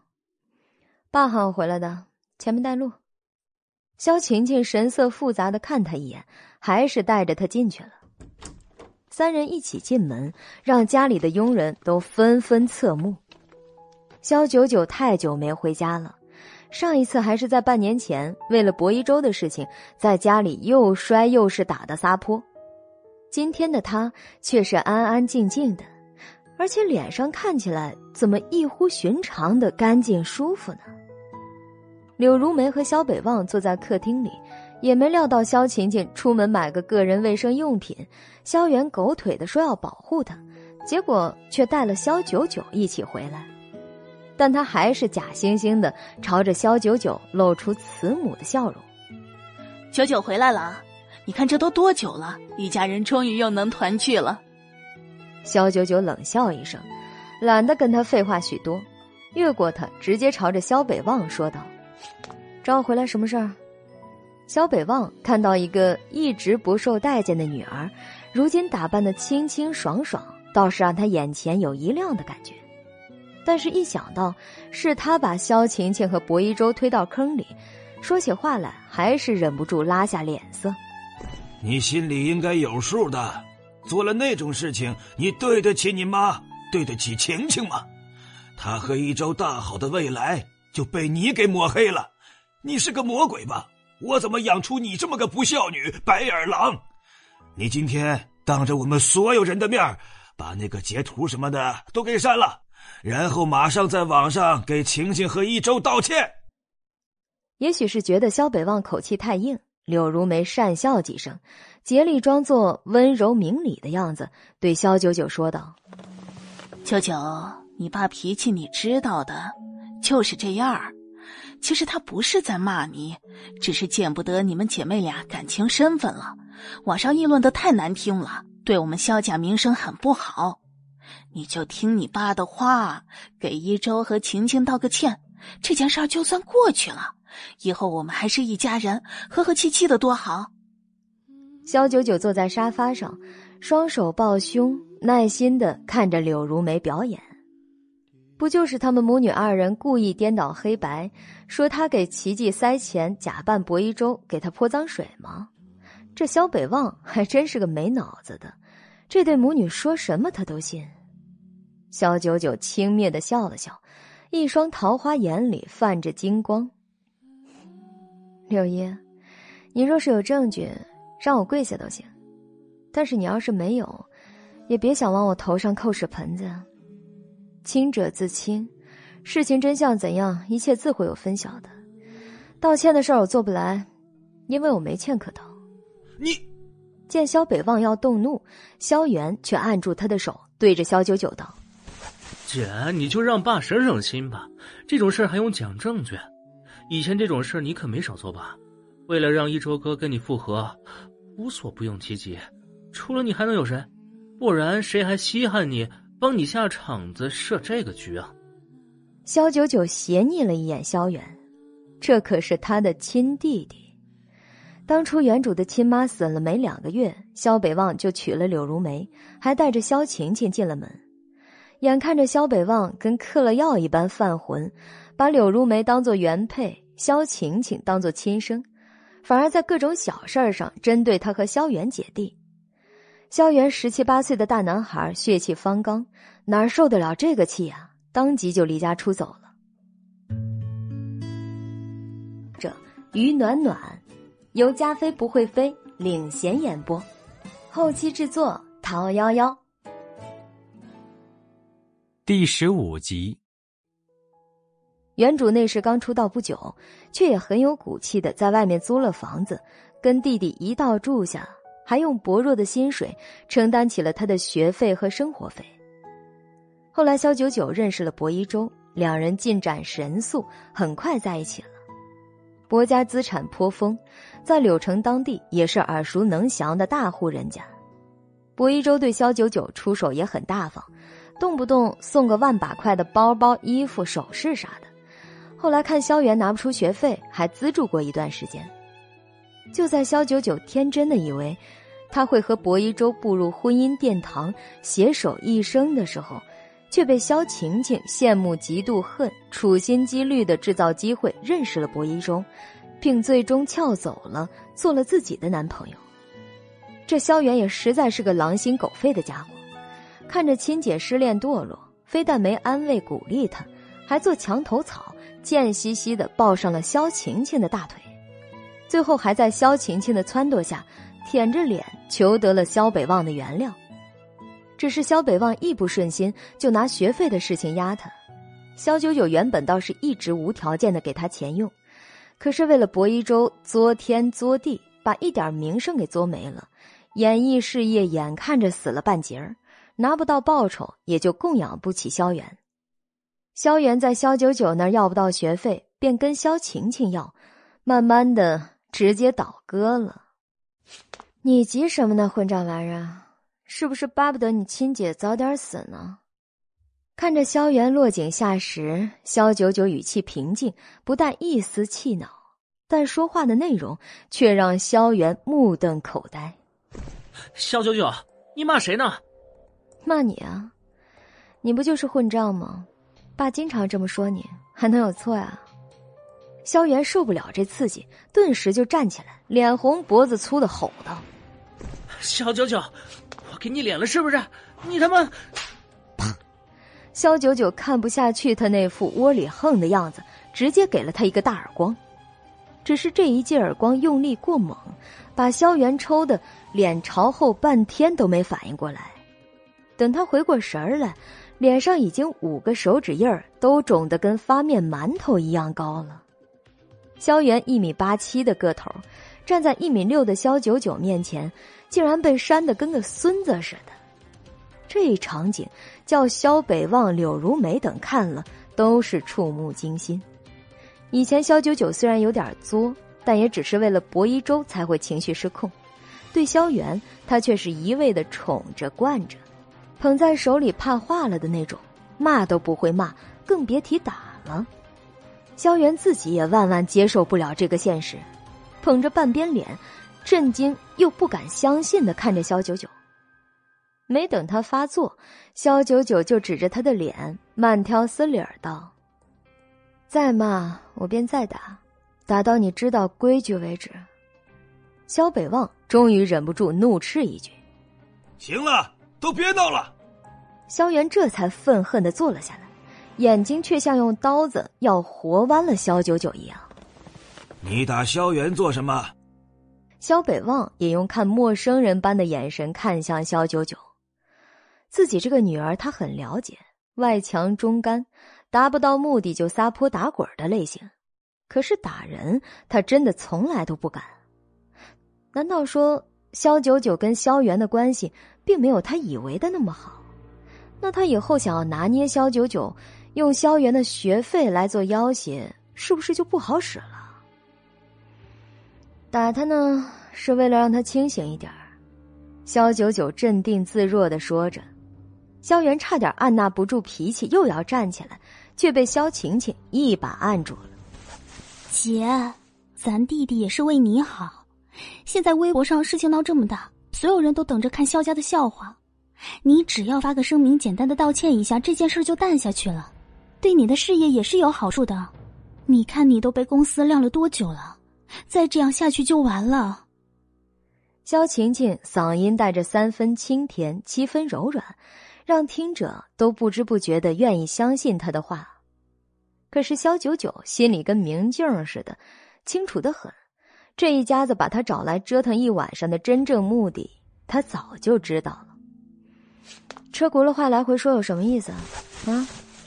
萧九九看了下手机，与其在这里和这心机婊浪费时间，倒不如躺床上吃瓜来的快活。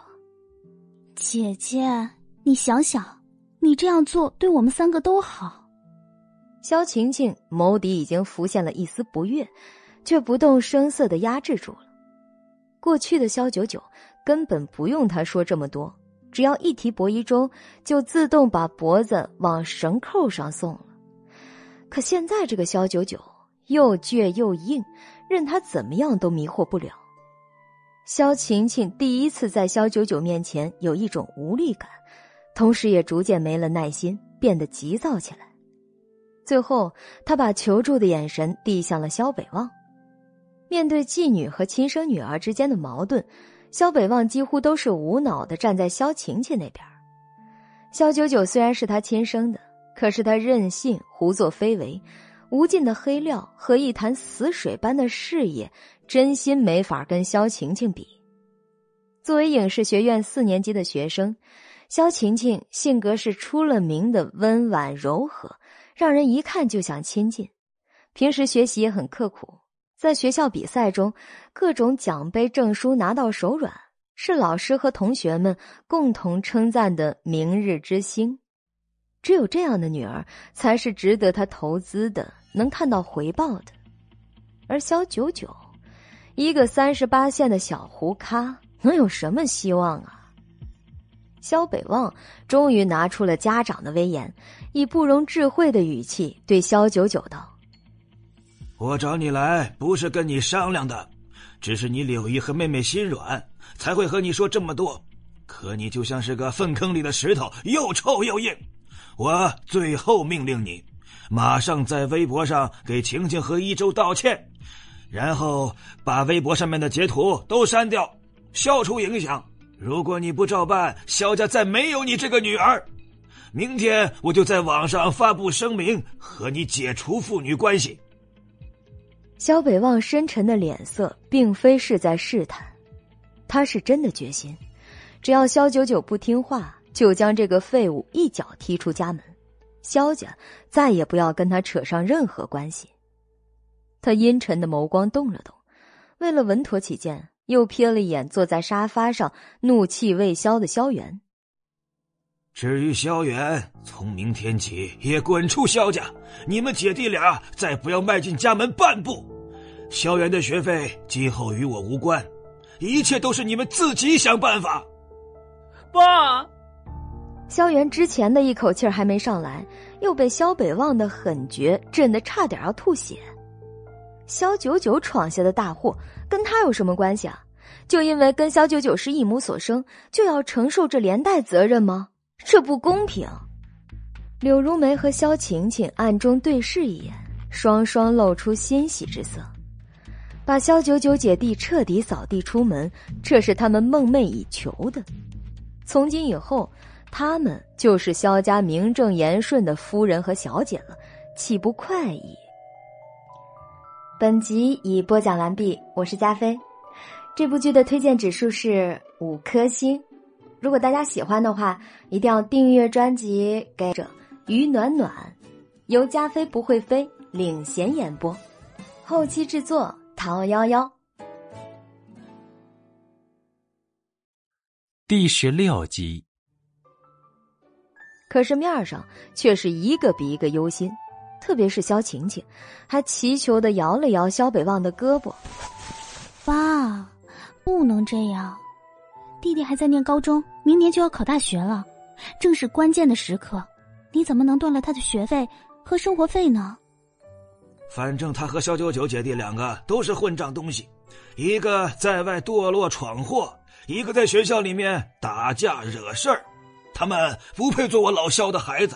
养了这么多年，已经是在做慈善了。肖九九看着这一家子各自精彩的戏份，差点想鼓掌了。肖北望若是真的想发表声明跟他断绝关系，那网上舆论无疑都会倒向肖晴晴和薄一舟。毕竟亲生父亲都看不下去他的所作所为了，说明肖九九暗地里做的勾当是有多么见不得人。这也就间接的印证了奇迹那个截图，幕后金主正是萧九九。好一个连锅端呐！这是要把萧九九彻底往绝路上逼，不给他一点生还的希望啊！若是外强中干的原主，也许就慌了，什么立场、什么尊严都不要了，马上跪下来求萧北望放条生路都有可能。可是现在的萧九九，哼 对不起啊，他根本就不吃这一套，没有任何人。任何事情能拿捏到他半根毫毛。肖九九起身，不慌不忙的拍了拍袖子上沾的灰，所有人的眼睛都盯着他，等着他表态。而萧元则用万分复杂的眼神看向他，其中还夹杂着几分祈祷：“肖九九，你可千万别犯浑呐！”爸，本来我以为你是想念女儿才会找我回来的。我曾经还对你抱有一丝幻想。既然你这么多年心盲眼瞎，专爱帮别人养女儿，那我也无话可说。欠我是不会到的。至于断绝父女关系，你开心就好。一席话让萧北望怔了许久，整个厅里死一般的安静，尴尬而诡异的氛围让人连大气儿都不敢喘一下。说他对肖九九姐弟完全没有愧疚，那是假的。但这不多的愧疚，早在一次又一次的现实冲击和打磨中消失殆尽了。只是他怎么也没想到，肖九九会说出这么硬气的话来。肖九九，你说这话有没有想过后果？是谁给你的勇气？是梁静茹吗？萧炎几乎要疯了，跳起来就吼。萧九九，你是不是没脑子的？跟爸断绝关系，还要连累我？我以后的学费谁来出？你自己不想活不要紧，别他妈的连我也一起害了。同时又小狗一样可怜巴巴的望着萧晴晴，他已经习惯了，每当萧北望用学费来压他，他就依赖性的求助萧晴晴。肖北望重重的咳嗽了一声，似乎在提醒肖九九什么。其实他的狠话虽然已经放出来，但是心里还是有一丝犹豫的。肖九九虽然在他眼里啥也不是，但却是任洪川含在嘴里怕化了的宝贝。毕竟他长得跟他去世的母亲非常相像，所以就算全世界都抛弃了肖九九，任洪川也会用自己的老命为他撑起一片天。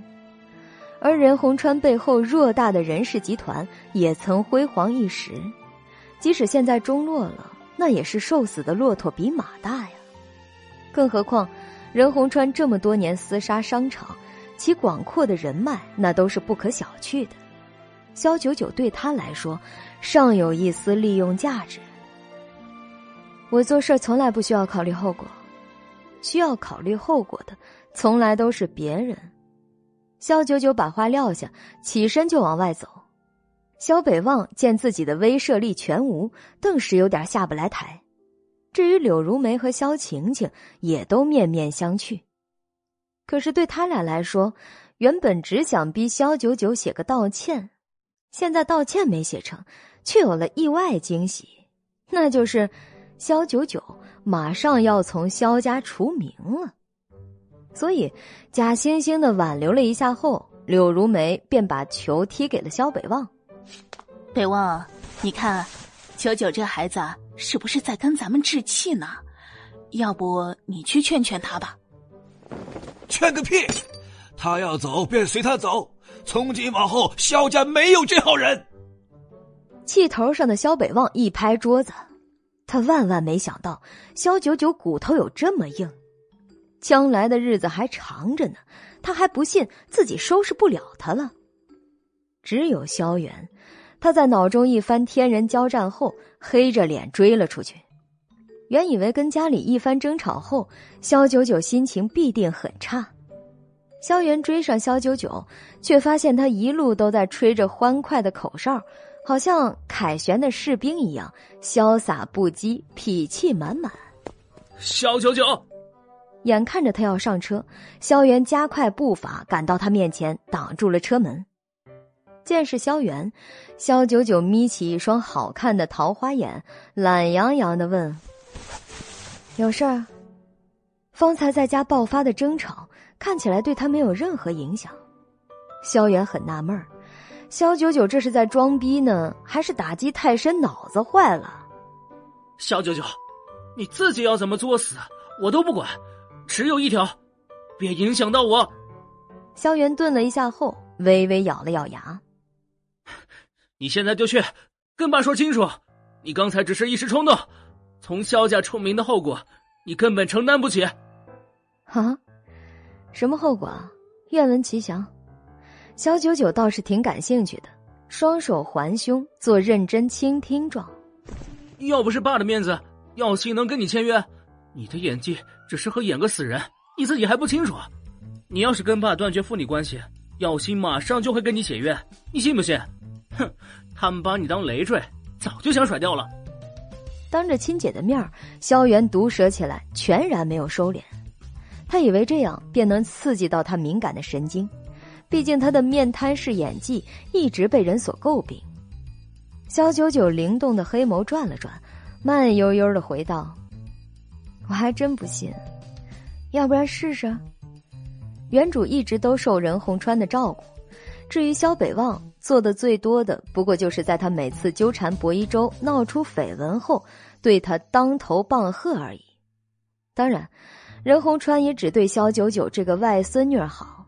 至于萧元，虽然是一母所生，但他长相完全没有继承到他们的母亲，加上不求上进，在学校里混吃等死的，对任洪川又多有不敬，所以早就被任洪川放任自流，懒得去管了。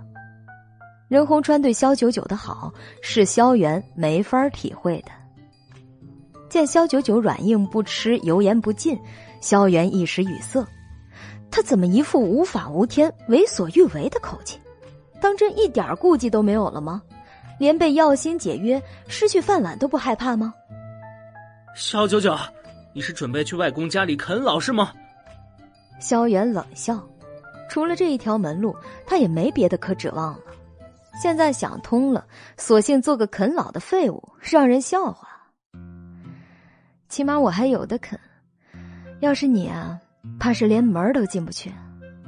萧九九未置可否，反而揶揄的回敬：“你够了，萧九九，我从没见过像你这种没脸没皮、无药可救的女人。做你的弟弟，真的把我恶心坏了。”像是被触到了某条敏感的神经。萧元突然爆发的说道，满脸青筋都涨得通红。大家好，我是加菲。一第十七集，啪，重重的一巴掌打在刚才没打的另一边。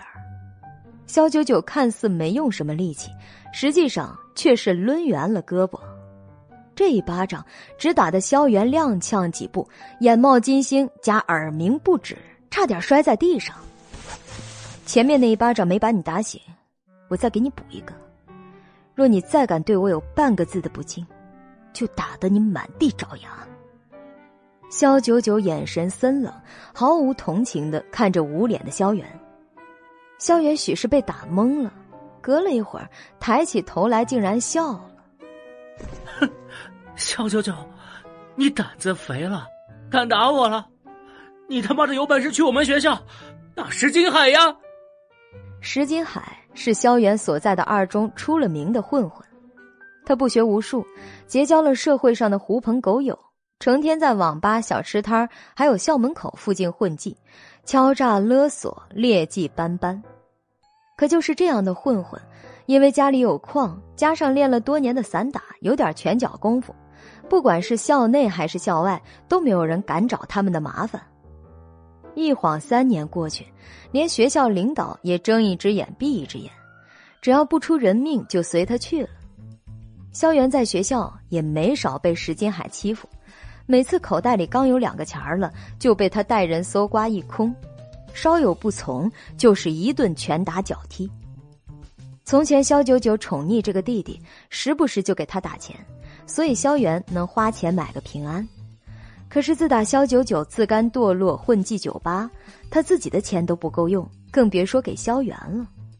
一连半年，萧元都没有在萧九九那儿拿到钱。也在这半年里被石金海揍得半死不活，好几次他躺在冰冷的石地板上，心里都痛恨着萧九九为什么不来管他。也是在这个时候，萧晴晴破天荒的给了他一点钱。尝到甜头的萧元自那之后逐渐迷失自我，只要萧晴晴给他钱，叫他一声姐姐又如何？行，你跟他说一声。明天晚上在校门口等我。萧九九毫不犹豫的答应了萧元这看似荒唐的要求，连萧元自己都不敢相信自己的耳朵。萧九九没病吧？他只是随口一说，为了气气他而已。石金海可是个练家子，像萧九九这样的女流，他一根手指头就能碾死。哼，你他妈的少得意忘形了！你几斤几两，老子心里有数。要对付石金海，你他妈的除了……萧元一个“卖”字刚要说出口，忽然看到萧九九那悠哉的眼神正懒懒的朝他看来，他猛地意识到什么，硬生生的把后面的话给咽了下去。萧九九以神识来看，萧元其实本性不坏，只是家庭环境太差，生长的有些歪曲了。且他的窝里横毒蛇种种恶劣表现，不过是下意识保护自己的一种手段，可恨，但是也可怜。他只要稍加点拨，萧元并非无药可救。既然他占了原主的身子，那帮原主收拾一下他一塌糊涂的人生，顺便收拾一下他的弟弟，那也是理所应当的。萧九九默默的叹了口气：“哎呀。”这凡人就是喜欢给他找麻烦。他直接上了车，目不斜视的对萧元道：“别忘了给石金海带话。”你，萧元舌头打结一般，毒舌的话不敢再说，正常的话又无法形容出他的感受。那这个拿去，涂在脸上会舒服不少。一瓶黑色的药膏，嗖的一下被扔到了萧炎的手上，他下意识的接过来。打开闻了闻，立马皱起了眉头。呀，这什么味道？跟马粪一样，哪来的玩意儿？用了会不会死啊？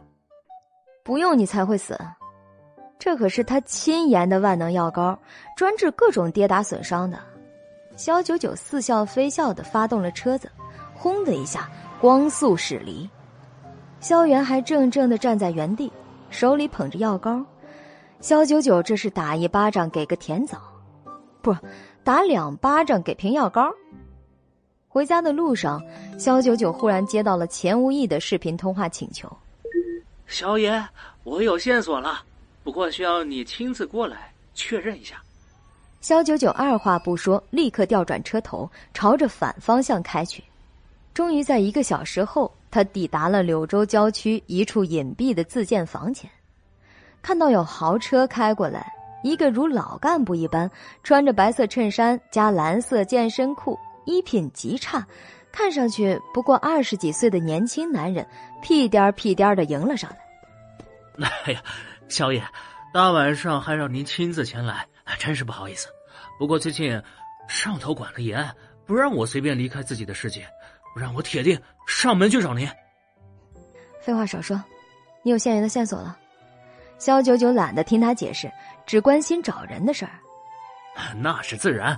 你来看看。钱无意把肖九九迎进屋里，只见屋内竟出奇的干净整洁，一切物品井然有序，电视、空调、冰箱、电脑一应俱全，唯独在东南角放着一个神龛，上面点着没燃尽的香烛。自己供自己的神像，你可真是个小天才。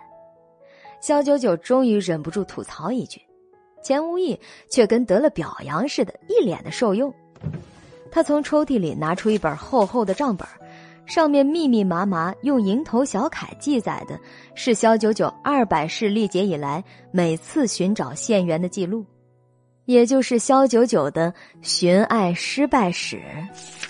钱无意翻开最末一行，边指上面的文字边道：“我派出了手下在钟灵山月牙泉发现了现元上神的气息，他是昨天刚刚过来的。与他一起的还有其他两人。”钟灵山月牙泉，萧九九眯起了眼，暗自思忖：那可是柳州地界最原始的一座森林，不仅面积大，而且重峦叠嶂，地形复杂。各种毒虫猛兽应有尽有，政府为了保护生态，并没有进行开发，而一般人怕迷路，轻易也不敢进去。县员竟然和两个人同时进去，还能自在的出来，看来这一世他的身份不是个普通人呐。我要亲自去一趟，确认一下是否是他本人来过。对钱无义的线索，肖九九只能相信百分之五十。还有一半基本上属于炸弹。至于线员的气息，再没有旁人会比他更加熟悉、更加深刻的记着了，因为他已经把他的所有信息都深深的烙印在了心底。千百年来，每一次脉搏的跳动，都是一次深入灵魂的复习。钱无意点头，却又摇摇头：“呃，萧爷。”您要是想去，等我改天能自由进出地界了，陪您一起啊。毕竟您现在是个凡人之身，深入森林恐怕……萧九九想了想，应道：“那也好。他不触任何东西，更不触死亡。但若是刚刚得了线索就要失去，会浪费他不少时间。”大家好，我是公元之前啊。为了方便记忆，你们。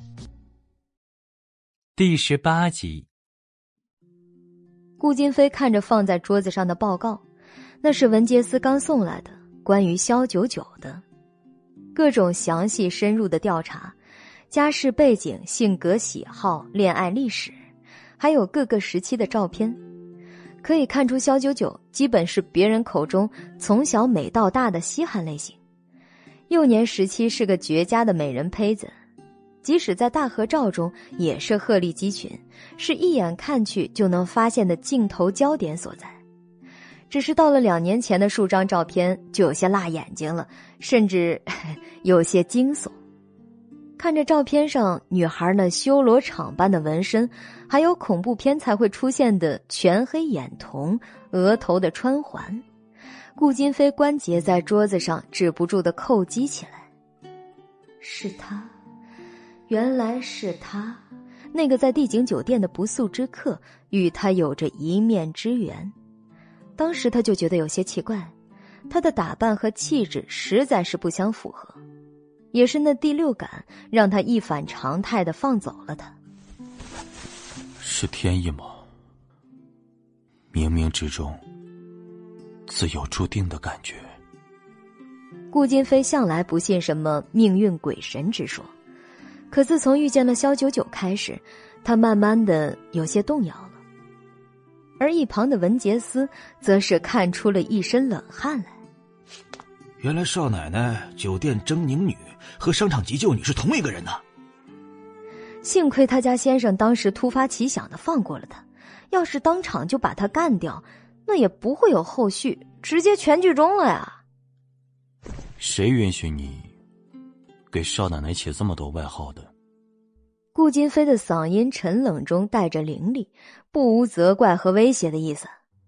温杰斯脑子嗡的一声，立即低头认错：“对不起，先生，我一时失言了。”少奶奶不再是无关紧要的女人，而是他家先生的心上人。从今以后，但凡提到她，自己的遣词造句必须得处处小心。搞不好，先生一个震怒，他的小命可就难保了。那先生，少奶奶现在在水深火热之中，咱们要不要出手啊？不必，她似乎不喜欢旁人干涉他的私事。文杰斯黑人问号脸，旁人？他家先生可是他明媒正娶啊，不，那个正经领证的老公啊。顾金飞十指流连的在小九九最后一张照片上抚摸了几下。他现在并不知道我是谁，所以我没有立场去干涉他。贸然去做，只会引他怀疑。文杰斯脸上一瞬间的皲裂。所以说，先生，您为何不和少奶奶直接摊牌呢？不表明身份的话，有多少不方便，您自己可清楚啊！非要玩欲擒故纵、猫鼠游戏吗？他家先生龟毛的恋爱套路，他是真的看不懂。大概在有钱人的世界里，这是一种别样的情调吧。嗯，一定是这样。第二天，肖九九等了好久，都没有在网上看到肖北望那份所谓的断绝父女关系的声明。电脑前，肖九九讽刺的一勾唇。肖北望敢说不敢做，太令他失望了。不过，在微博上，她的闺蜜江灿倒是发了一份道歉声明，还同时艾特了她、薄一舟和肖晴晴三个人。对不起，九九，虽然已经和你说好了会永远保密，但是看着薄一舟和萧晴晴无辜受到网友攻击，良心实在过意不去。我知道。这么多年的闺蜜关系，可能今天却要走到尽头了。江灿在微博上对萧九九郑重道歉，还附带了一份微信截图。这个截图的内容是他和萧九九本人的对话。江灿，九九，差不多就行了，放过薄一舟吧，毕竟你曾经爱他那么久。萧九九，还不够，我还没有看到薄一舟身败名裂。现在网上已经开始怀疑是我在背后指使齐生，我要再快一步，把薄一舟和萧晴晴那对贱人拉进无间地狱，让他们永无出头之日。江灿，九九，你太可怕了，就算是报复也不用这样毁掉他们两个吧。萧九九，你别替他们求情，他们不值得。我只知道，凡是背叛过我的，统统都要去死。后续的内容，肖九九已经没眼去看了。这路数跟那个叫做艾萨山的小号差不多，拙劣至极啊！可是，就是这样一份带有微信截图的声明，却犹如一枚丢进深水的炸弹，在整个网络掀起了轩然大波。无数的网友涌进微博参与全民吃瓜。江灿、肖九九还有薄一舟、肖晴几个人的微博账号底下。任意一条微博内容的点击、评论和转发数都超过百万条，微博服务器陷入瘫痪，技术小哥哭晕在厕所里。不久前才因为肖九九熬过通宵，这次又是他。江灿的道歉声明底下，网友以每秒超万条的速度进行评价。我操，小九九内心太黑暗了吧？得不到就要毁掉。而且要把两个人都毁掉，真够变态的。唉，这要不是她闺蜜良心发现，不一周还不知道会发生什么呢。这大概就是那种最可怕的前任吧，什么事情都能做得出来啊！我觉得肖九九可能是受了刺激，现在脑子已经坏掉了。正常人能干出这种事儿？其实早就该想到是他在背后策划的一切了，毕竟他在和薄一舟分手以后就已经精神失常了。除了对肖九九的行为表示害怕、愤怒、指责，更有人搜出了肖九九跟江灿十几年的闺蜜照片，各种两人同窗时期的照片，一起上学、一起吃饭、一起逛街等等。江灿和肖九九的闺蜜关系得到了证实，微博基本一边倒的疯狂 diss 肖九九。一开始我还怀疑过这个闺蜜的真假，现在我只想说，肖九九啊，活该。肖贱人果然是自作孽不可活呀，连十几年的闺蜜都看不下去了。支持江灿，正义永远只会迟到，不会缺席。还是江灿有良知，作为薄情 CP 粉，我表示爱了。以前我还以为肖九九可能是无辜的，事实证明，我真的想多了。而薄一舟的粉丝则跑到肖九九微博底下疯狂的谩骂，甚至是人身攻击。肖九九，你这个贱女人，对一周做这种事，你迟早会遭报应的。狗改不了吃屎啊！肖九九有妈生没有妈教的玩意儿，只要你敢动一周一根汗毛，我们一定让你不得好死。看着十几页类似这样的评论内容，肖九九波澜不惊的拿起手机给江灿打了过去，那头倒是很快的接了，就像早已料到肖九九会打过来一般。小灿灿。你微博上发的东西是什么意思啊？现在全网都在骂我。肖九九状似可怜弱小又无助，开门见山的问江灿，江灿却是驴唇不对马嘴的回答：“九九，我都是为了你好，我不想看到你一错再错。你怪我也好，骂我也好，总之不要再去设计伤害薄一舟和萧晴晴了。他们一个是你爱过的人，一个是你的妹妹啊。”肖九九还没回答，那头薄一舟忽然把电话拿了过来。九九，我和你分手是因为我对你没了感情，和晴晴没有关系的。你有什么事情，你冲我来，千万不要伤害晴晴啊！旁边的萧晴晴泫然欲泣，带着颤音：“一周哥，你别这样说，千错万错都是我的错。姐姐要生气，就惩罚我一个人好了。”萧九九明白了，原来这三个人在一起呢，说不定旁边还有柳如梅或者萧北望。总之，真是一家子戏精啊，互相。前演播第十九集。不用说，事先肯定都对过台词，才会有如此统一的表演。这也就很好的防范了肖九九可能从他们任何一个人那儿套出话来，作为还击的证据。话说，这江灿和萧晴晴勾结上也不是一天两天的事儿了，对他的落井下石也是预谋了好久的。好在萧九九对这些事儿心中早就有数，他可不是原主那种被江灿卖了还替他数钱的傻缺儿。我不知道你们在说什么，但是，你们每个人做的事儿都会有不同的报应，或早或晚，且等着看吧。他平静如水的一番话，让电话那头的薄一舟愣住了。但已经深陷于萧晴晴编制的完美谎言中的他，此时对萧九九是彻底的心寒和惧怕。就像江灿说的那样，对萧九九这样的女人，只能比她更狠，把她打趴下，再也站不起来，才能永远的脱身。九九，既然你执迷不悟，那就好自为之吧。薄一舟打消了脑子里最后一点对萧九九的幻想，警告的说完便挂断了电话。身后，江灿满心疑惑：“我还是觉得肖九九很不对劲儿。按道理，一周对他说了这种决绝的话，他不是应该一哭二闹三上吊的，证明自己什么都没做吗？”他确实不太对劲，反应太冷静了点儿。只有萧晴晴一人完全没有把萧九九的反常放在眼里，但是当着薄一舟的面儿，他还是把眼中的寒意敛住了，只剩下楚楚可怜的小白花模样。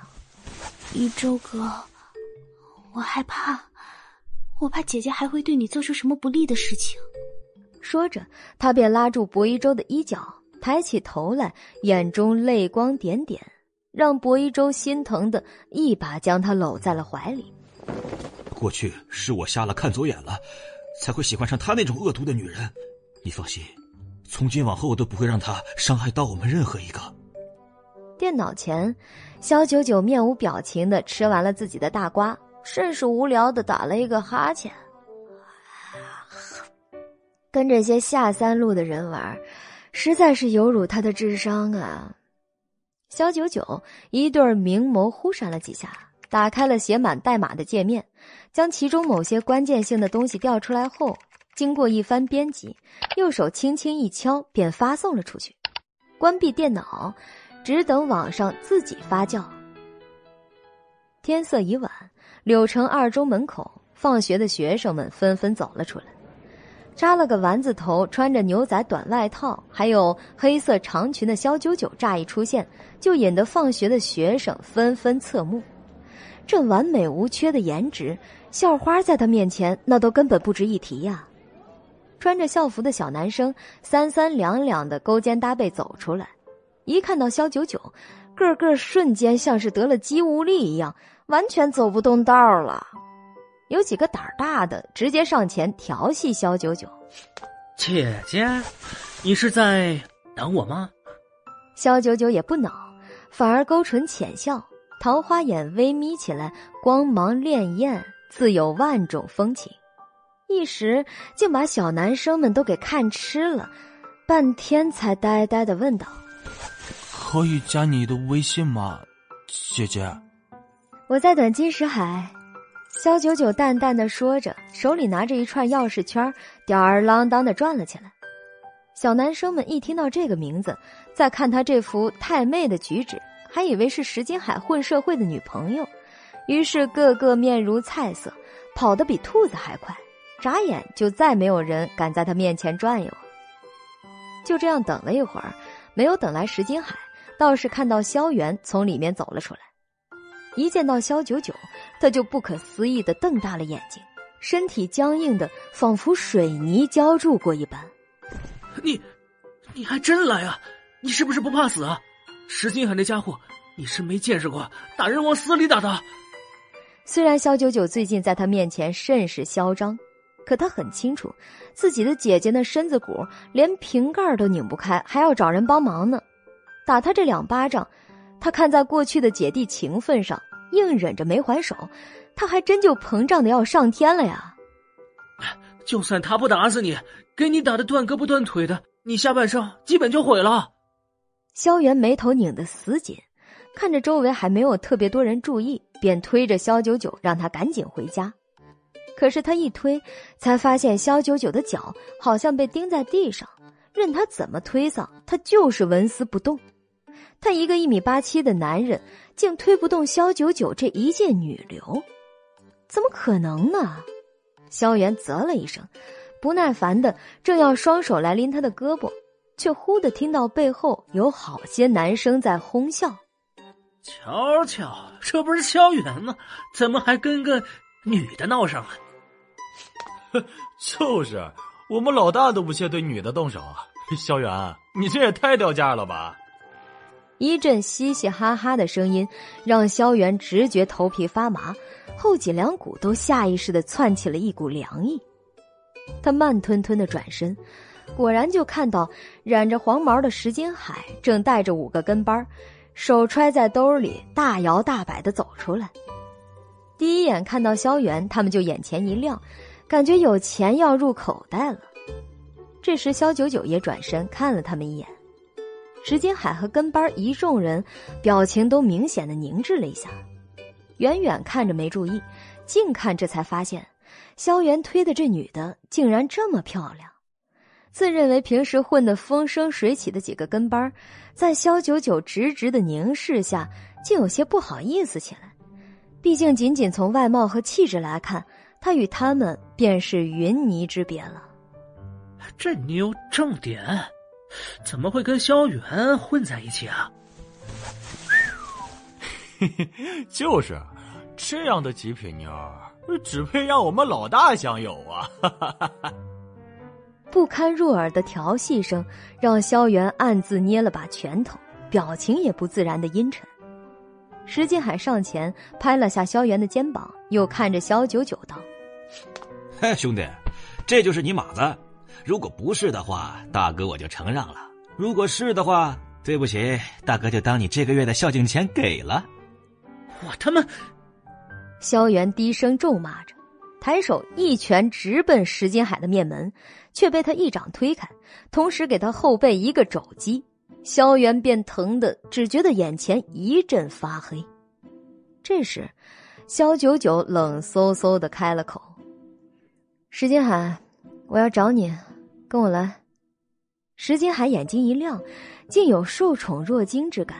身边跟班也跟着起哄：“这妞是来找老大的，原来他仰慕老大已久了。哼，老大果然威武啊！石金海二话不说，跟着肖九九便走，双手揣着兜，用口哨吹着情爱小调，只惹得路人都向他们看过来。萧元连滚带爬的起身，一下拉住石金海：“ 放过他，跟他没关系。这个月的钱，我给，给你。”他几乎是颤抖的从自己口袋里要拿钱。可是话音未落，却被石金海一脚踢开。滚！谁稀罕你那几个破钱呢？别挡着老子的桃花运！萧九九带着他们一行人穿过羊肠小道，左拐右拐，终于到了一条人迹罕至的死胡同。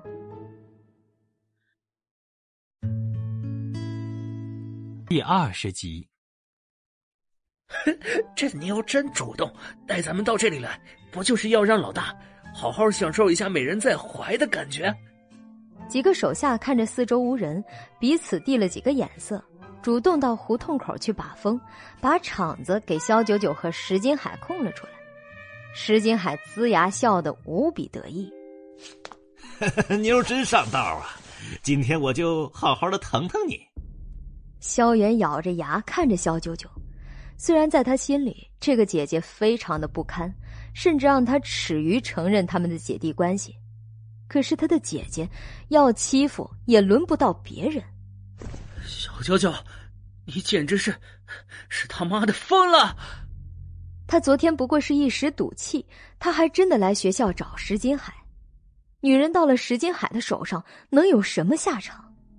眼看着石金海的一只手已经搭在肖九九的肩膀上。另一只正要抚摸他嫩滑白皙的脸蛋儿，萧元的眼都红了，瞬间不知从哪儿来的力气，一把抱住了石金海，牙齿都几乎要咬碎了。你他妈的还不快滚！小九九，就算他亲姐再怎么荒唐，也绝不能当着他的面被石金海这样的人渣给侮辱了。事情既然因他而起，他就要把这个责任扛起来。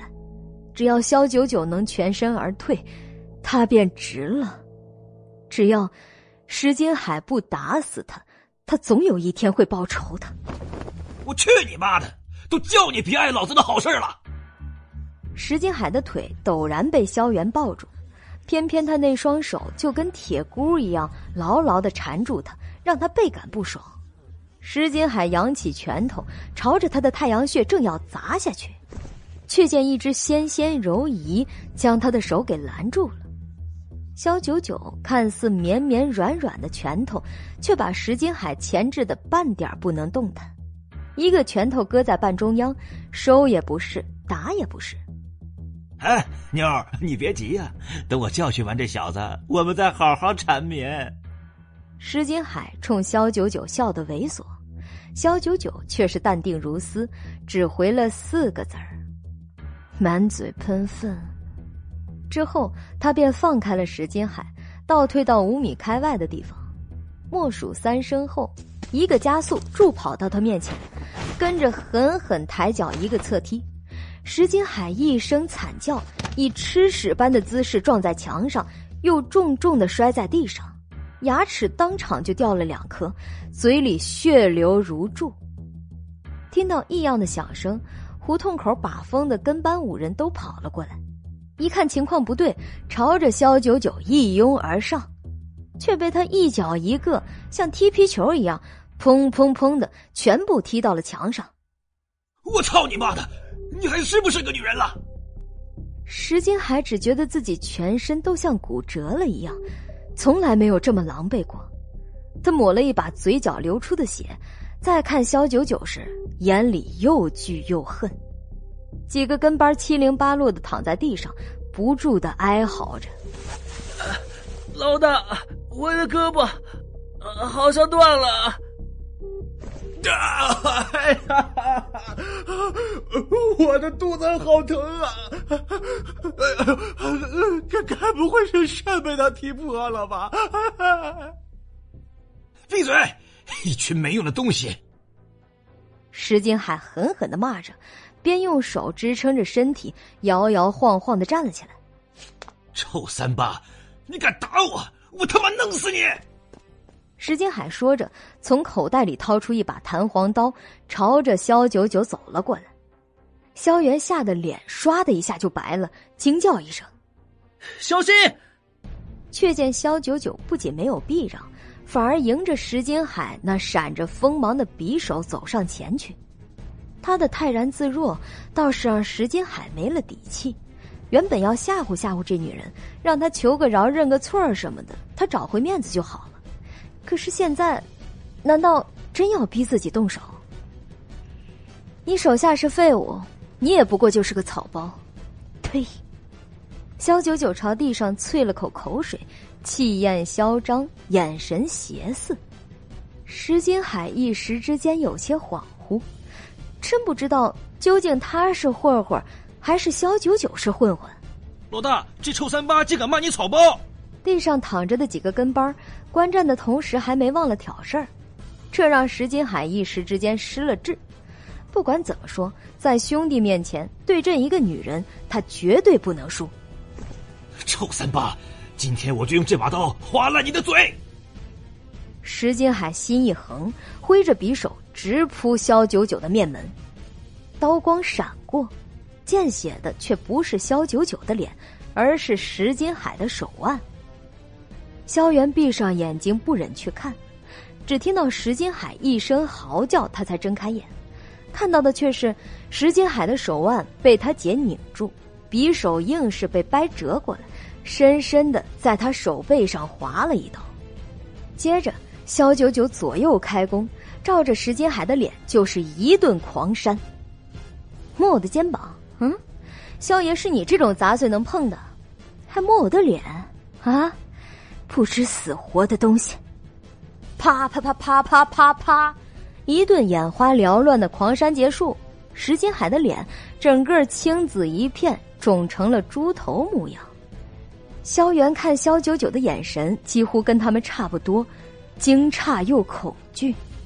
光是看着萧九九的动作，他就觉得。脸上好疼啊！他只是挨了两巴掌，石金海却至少被打了五六十下吧。萧元从没想过自己有一天竟会有些同情石金海，被打得体无完肤不说，还完全没有还手之力。最后，萧九九把石金海一脚踹飞，重重的撞在墙上，他趴在地上。再也说不出半个字儿来。你们给我听好了，萧元是我弟弟，从今往后，谁跟他过不去，我见一次打一次。萧九九双手环胸，朝石金海和那群跟班走过去。刚才还躺在地上，仿佛已经咽了气儿的石金海，立即缩成一团，连滚带爬的走开。是大姐，我们以后再也不敢了。众跟班痛哭流涕的举着双手对天发誓：以后谁他妈敢不长眼的打萧元的主意啊？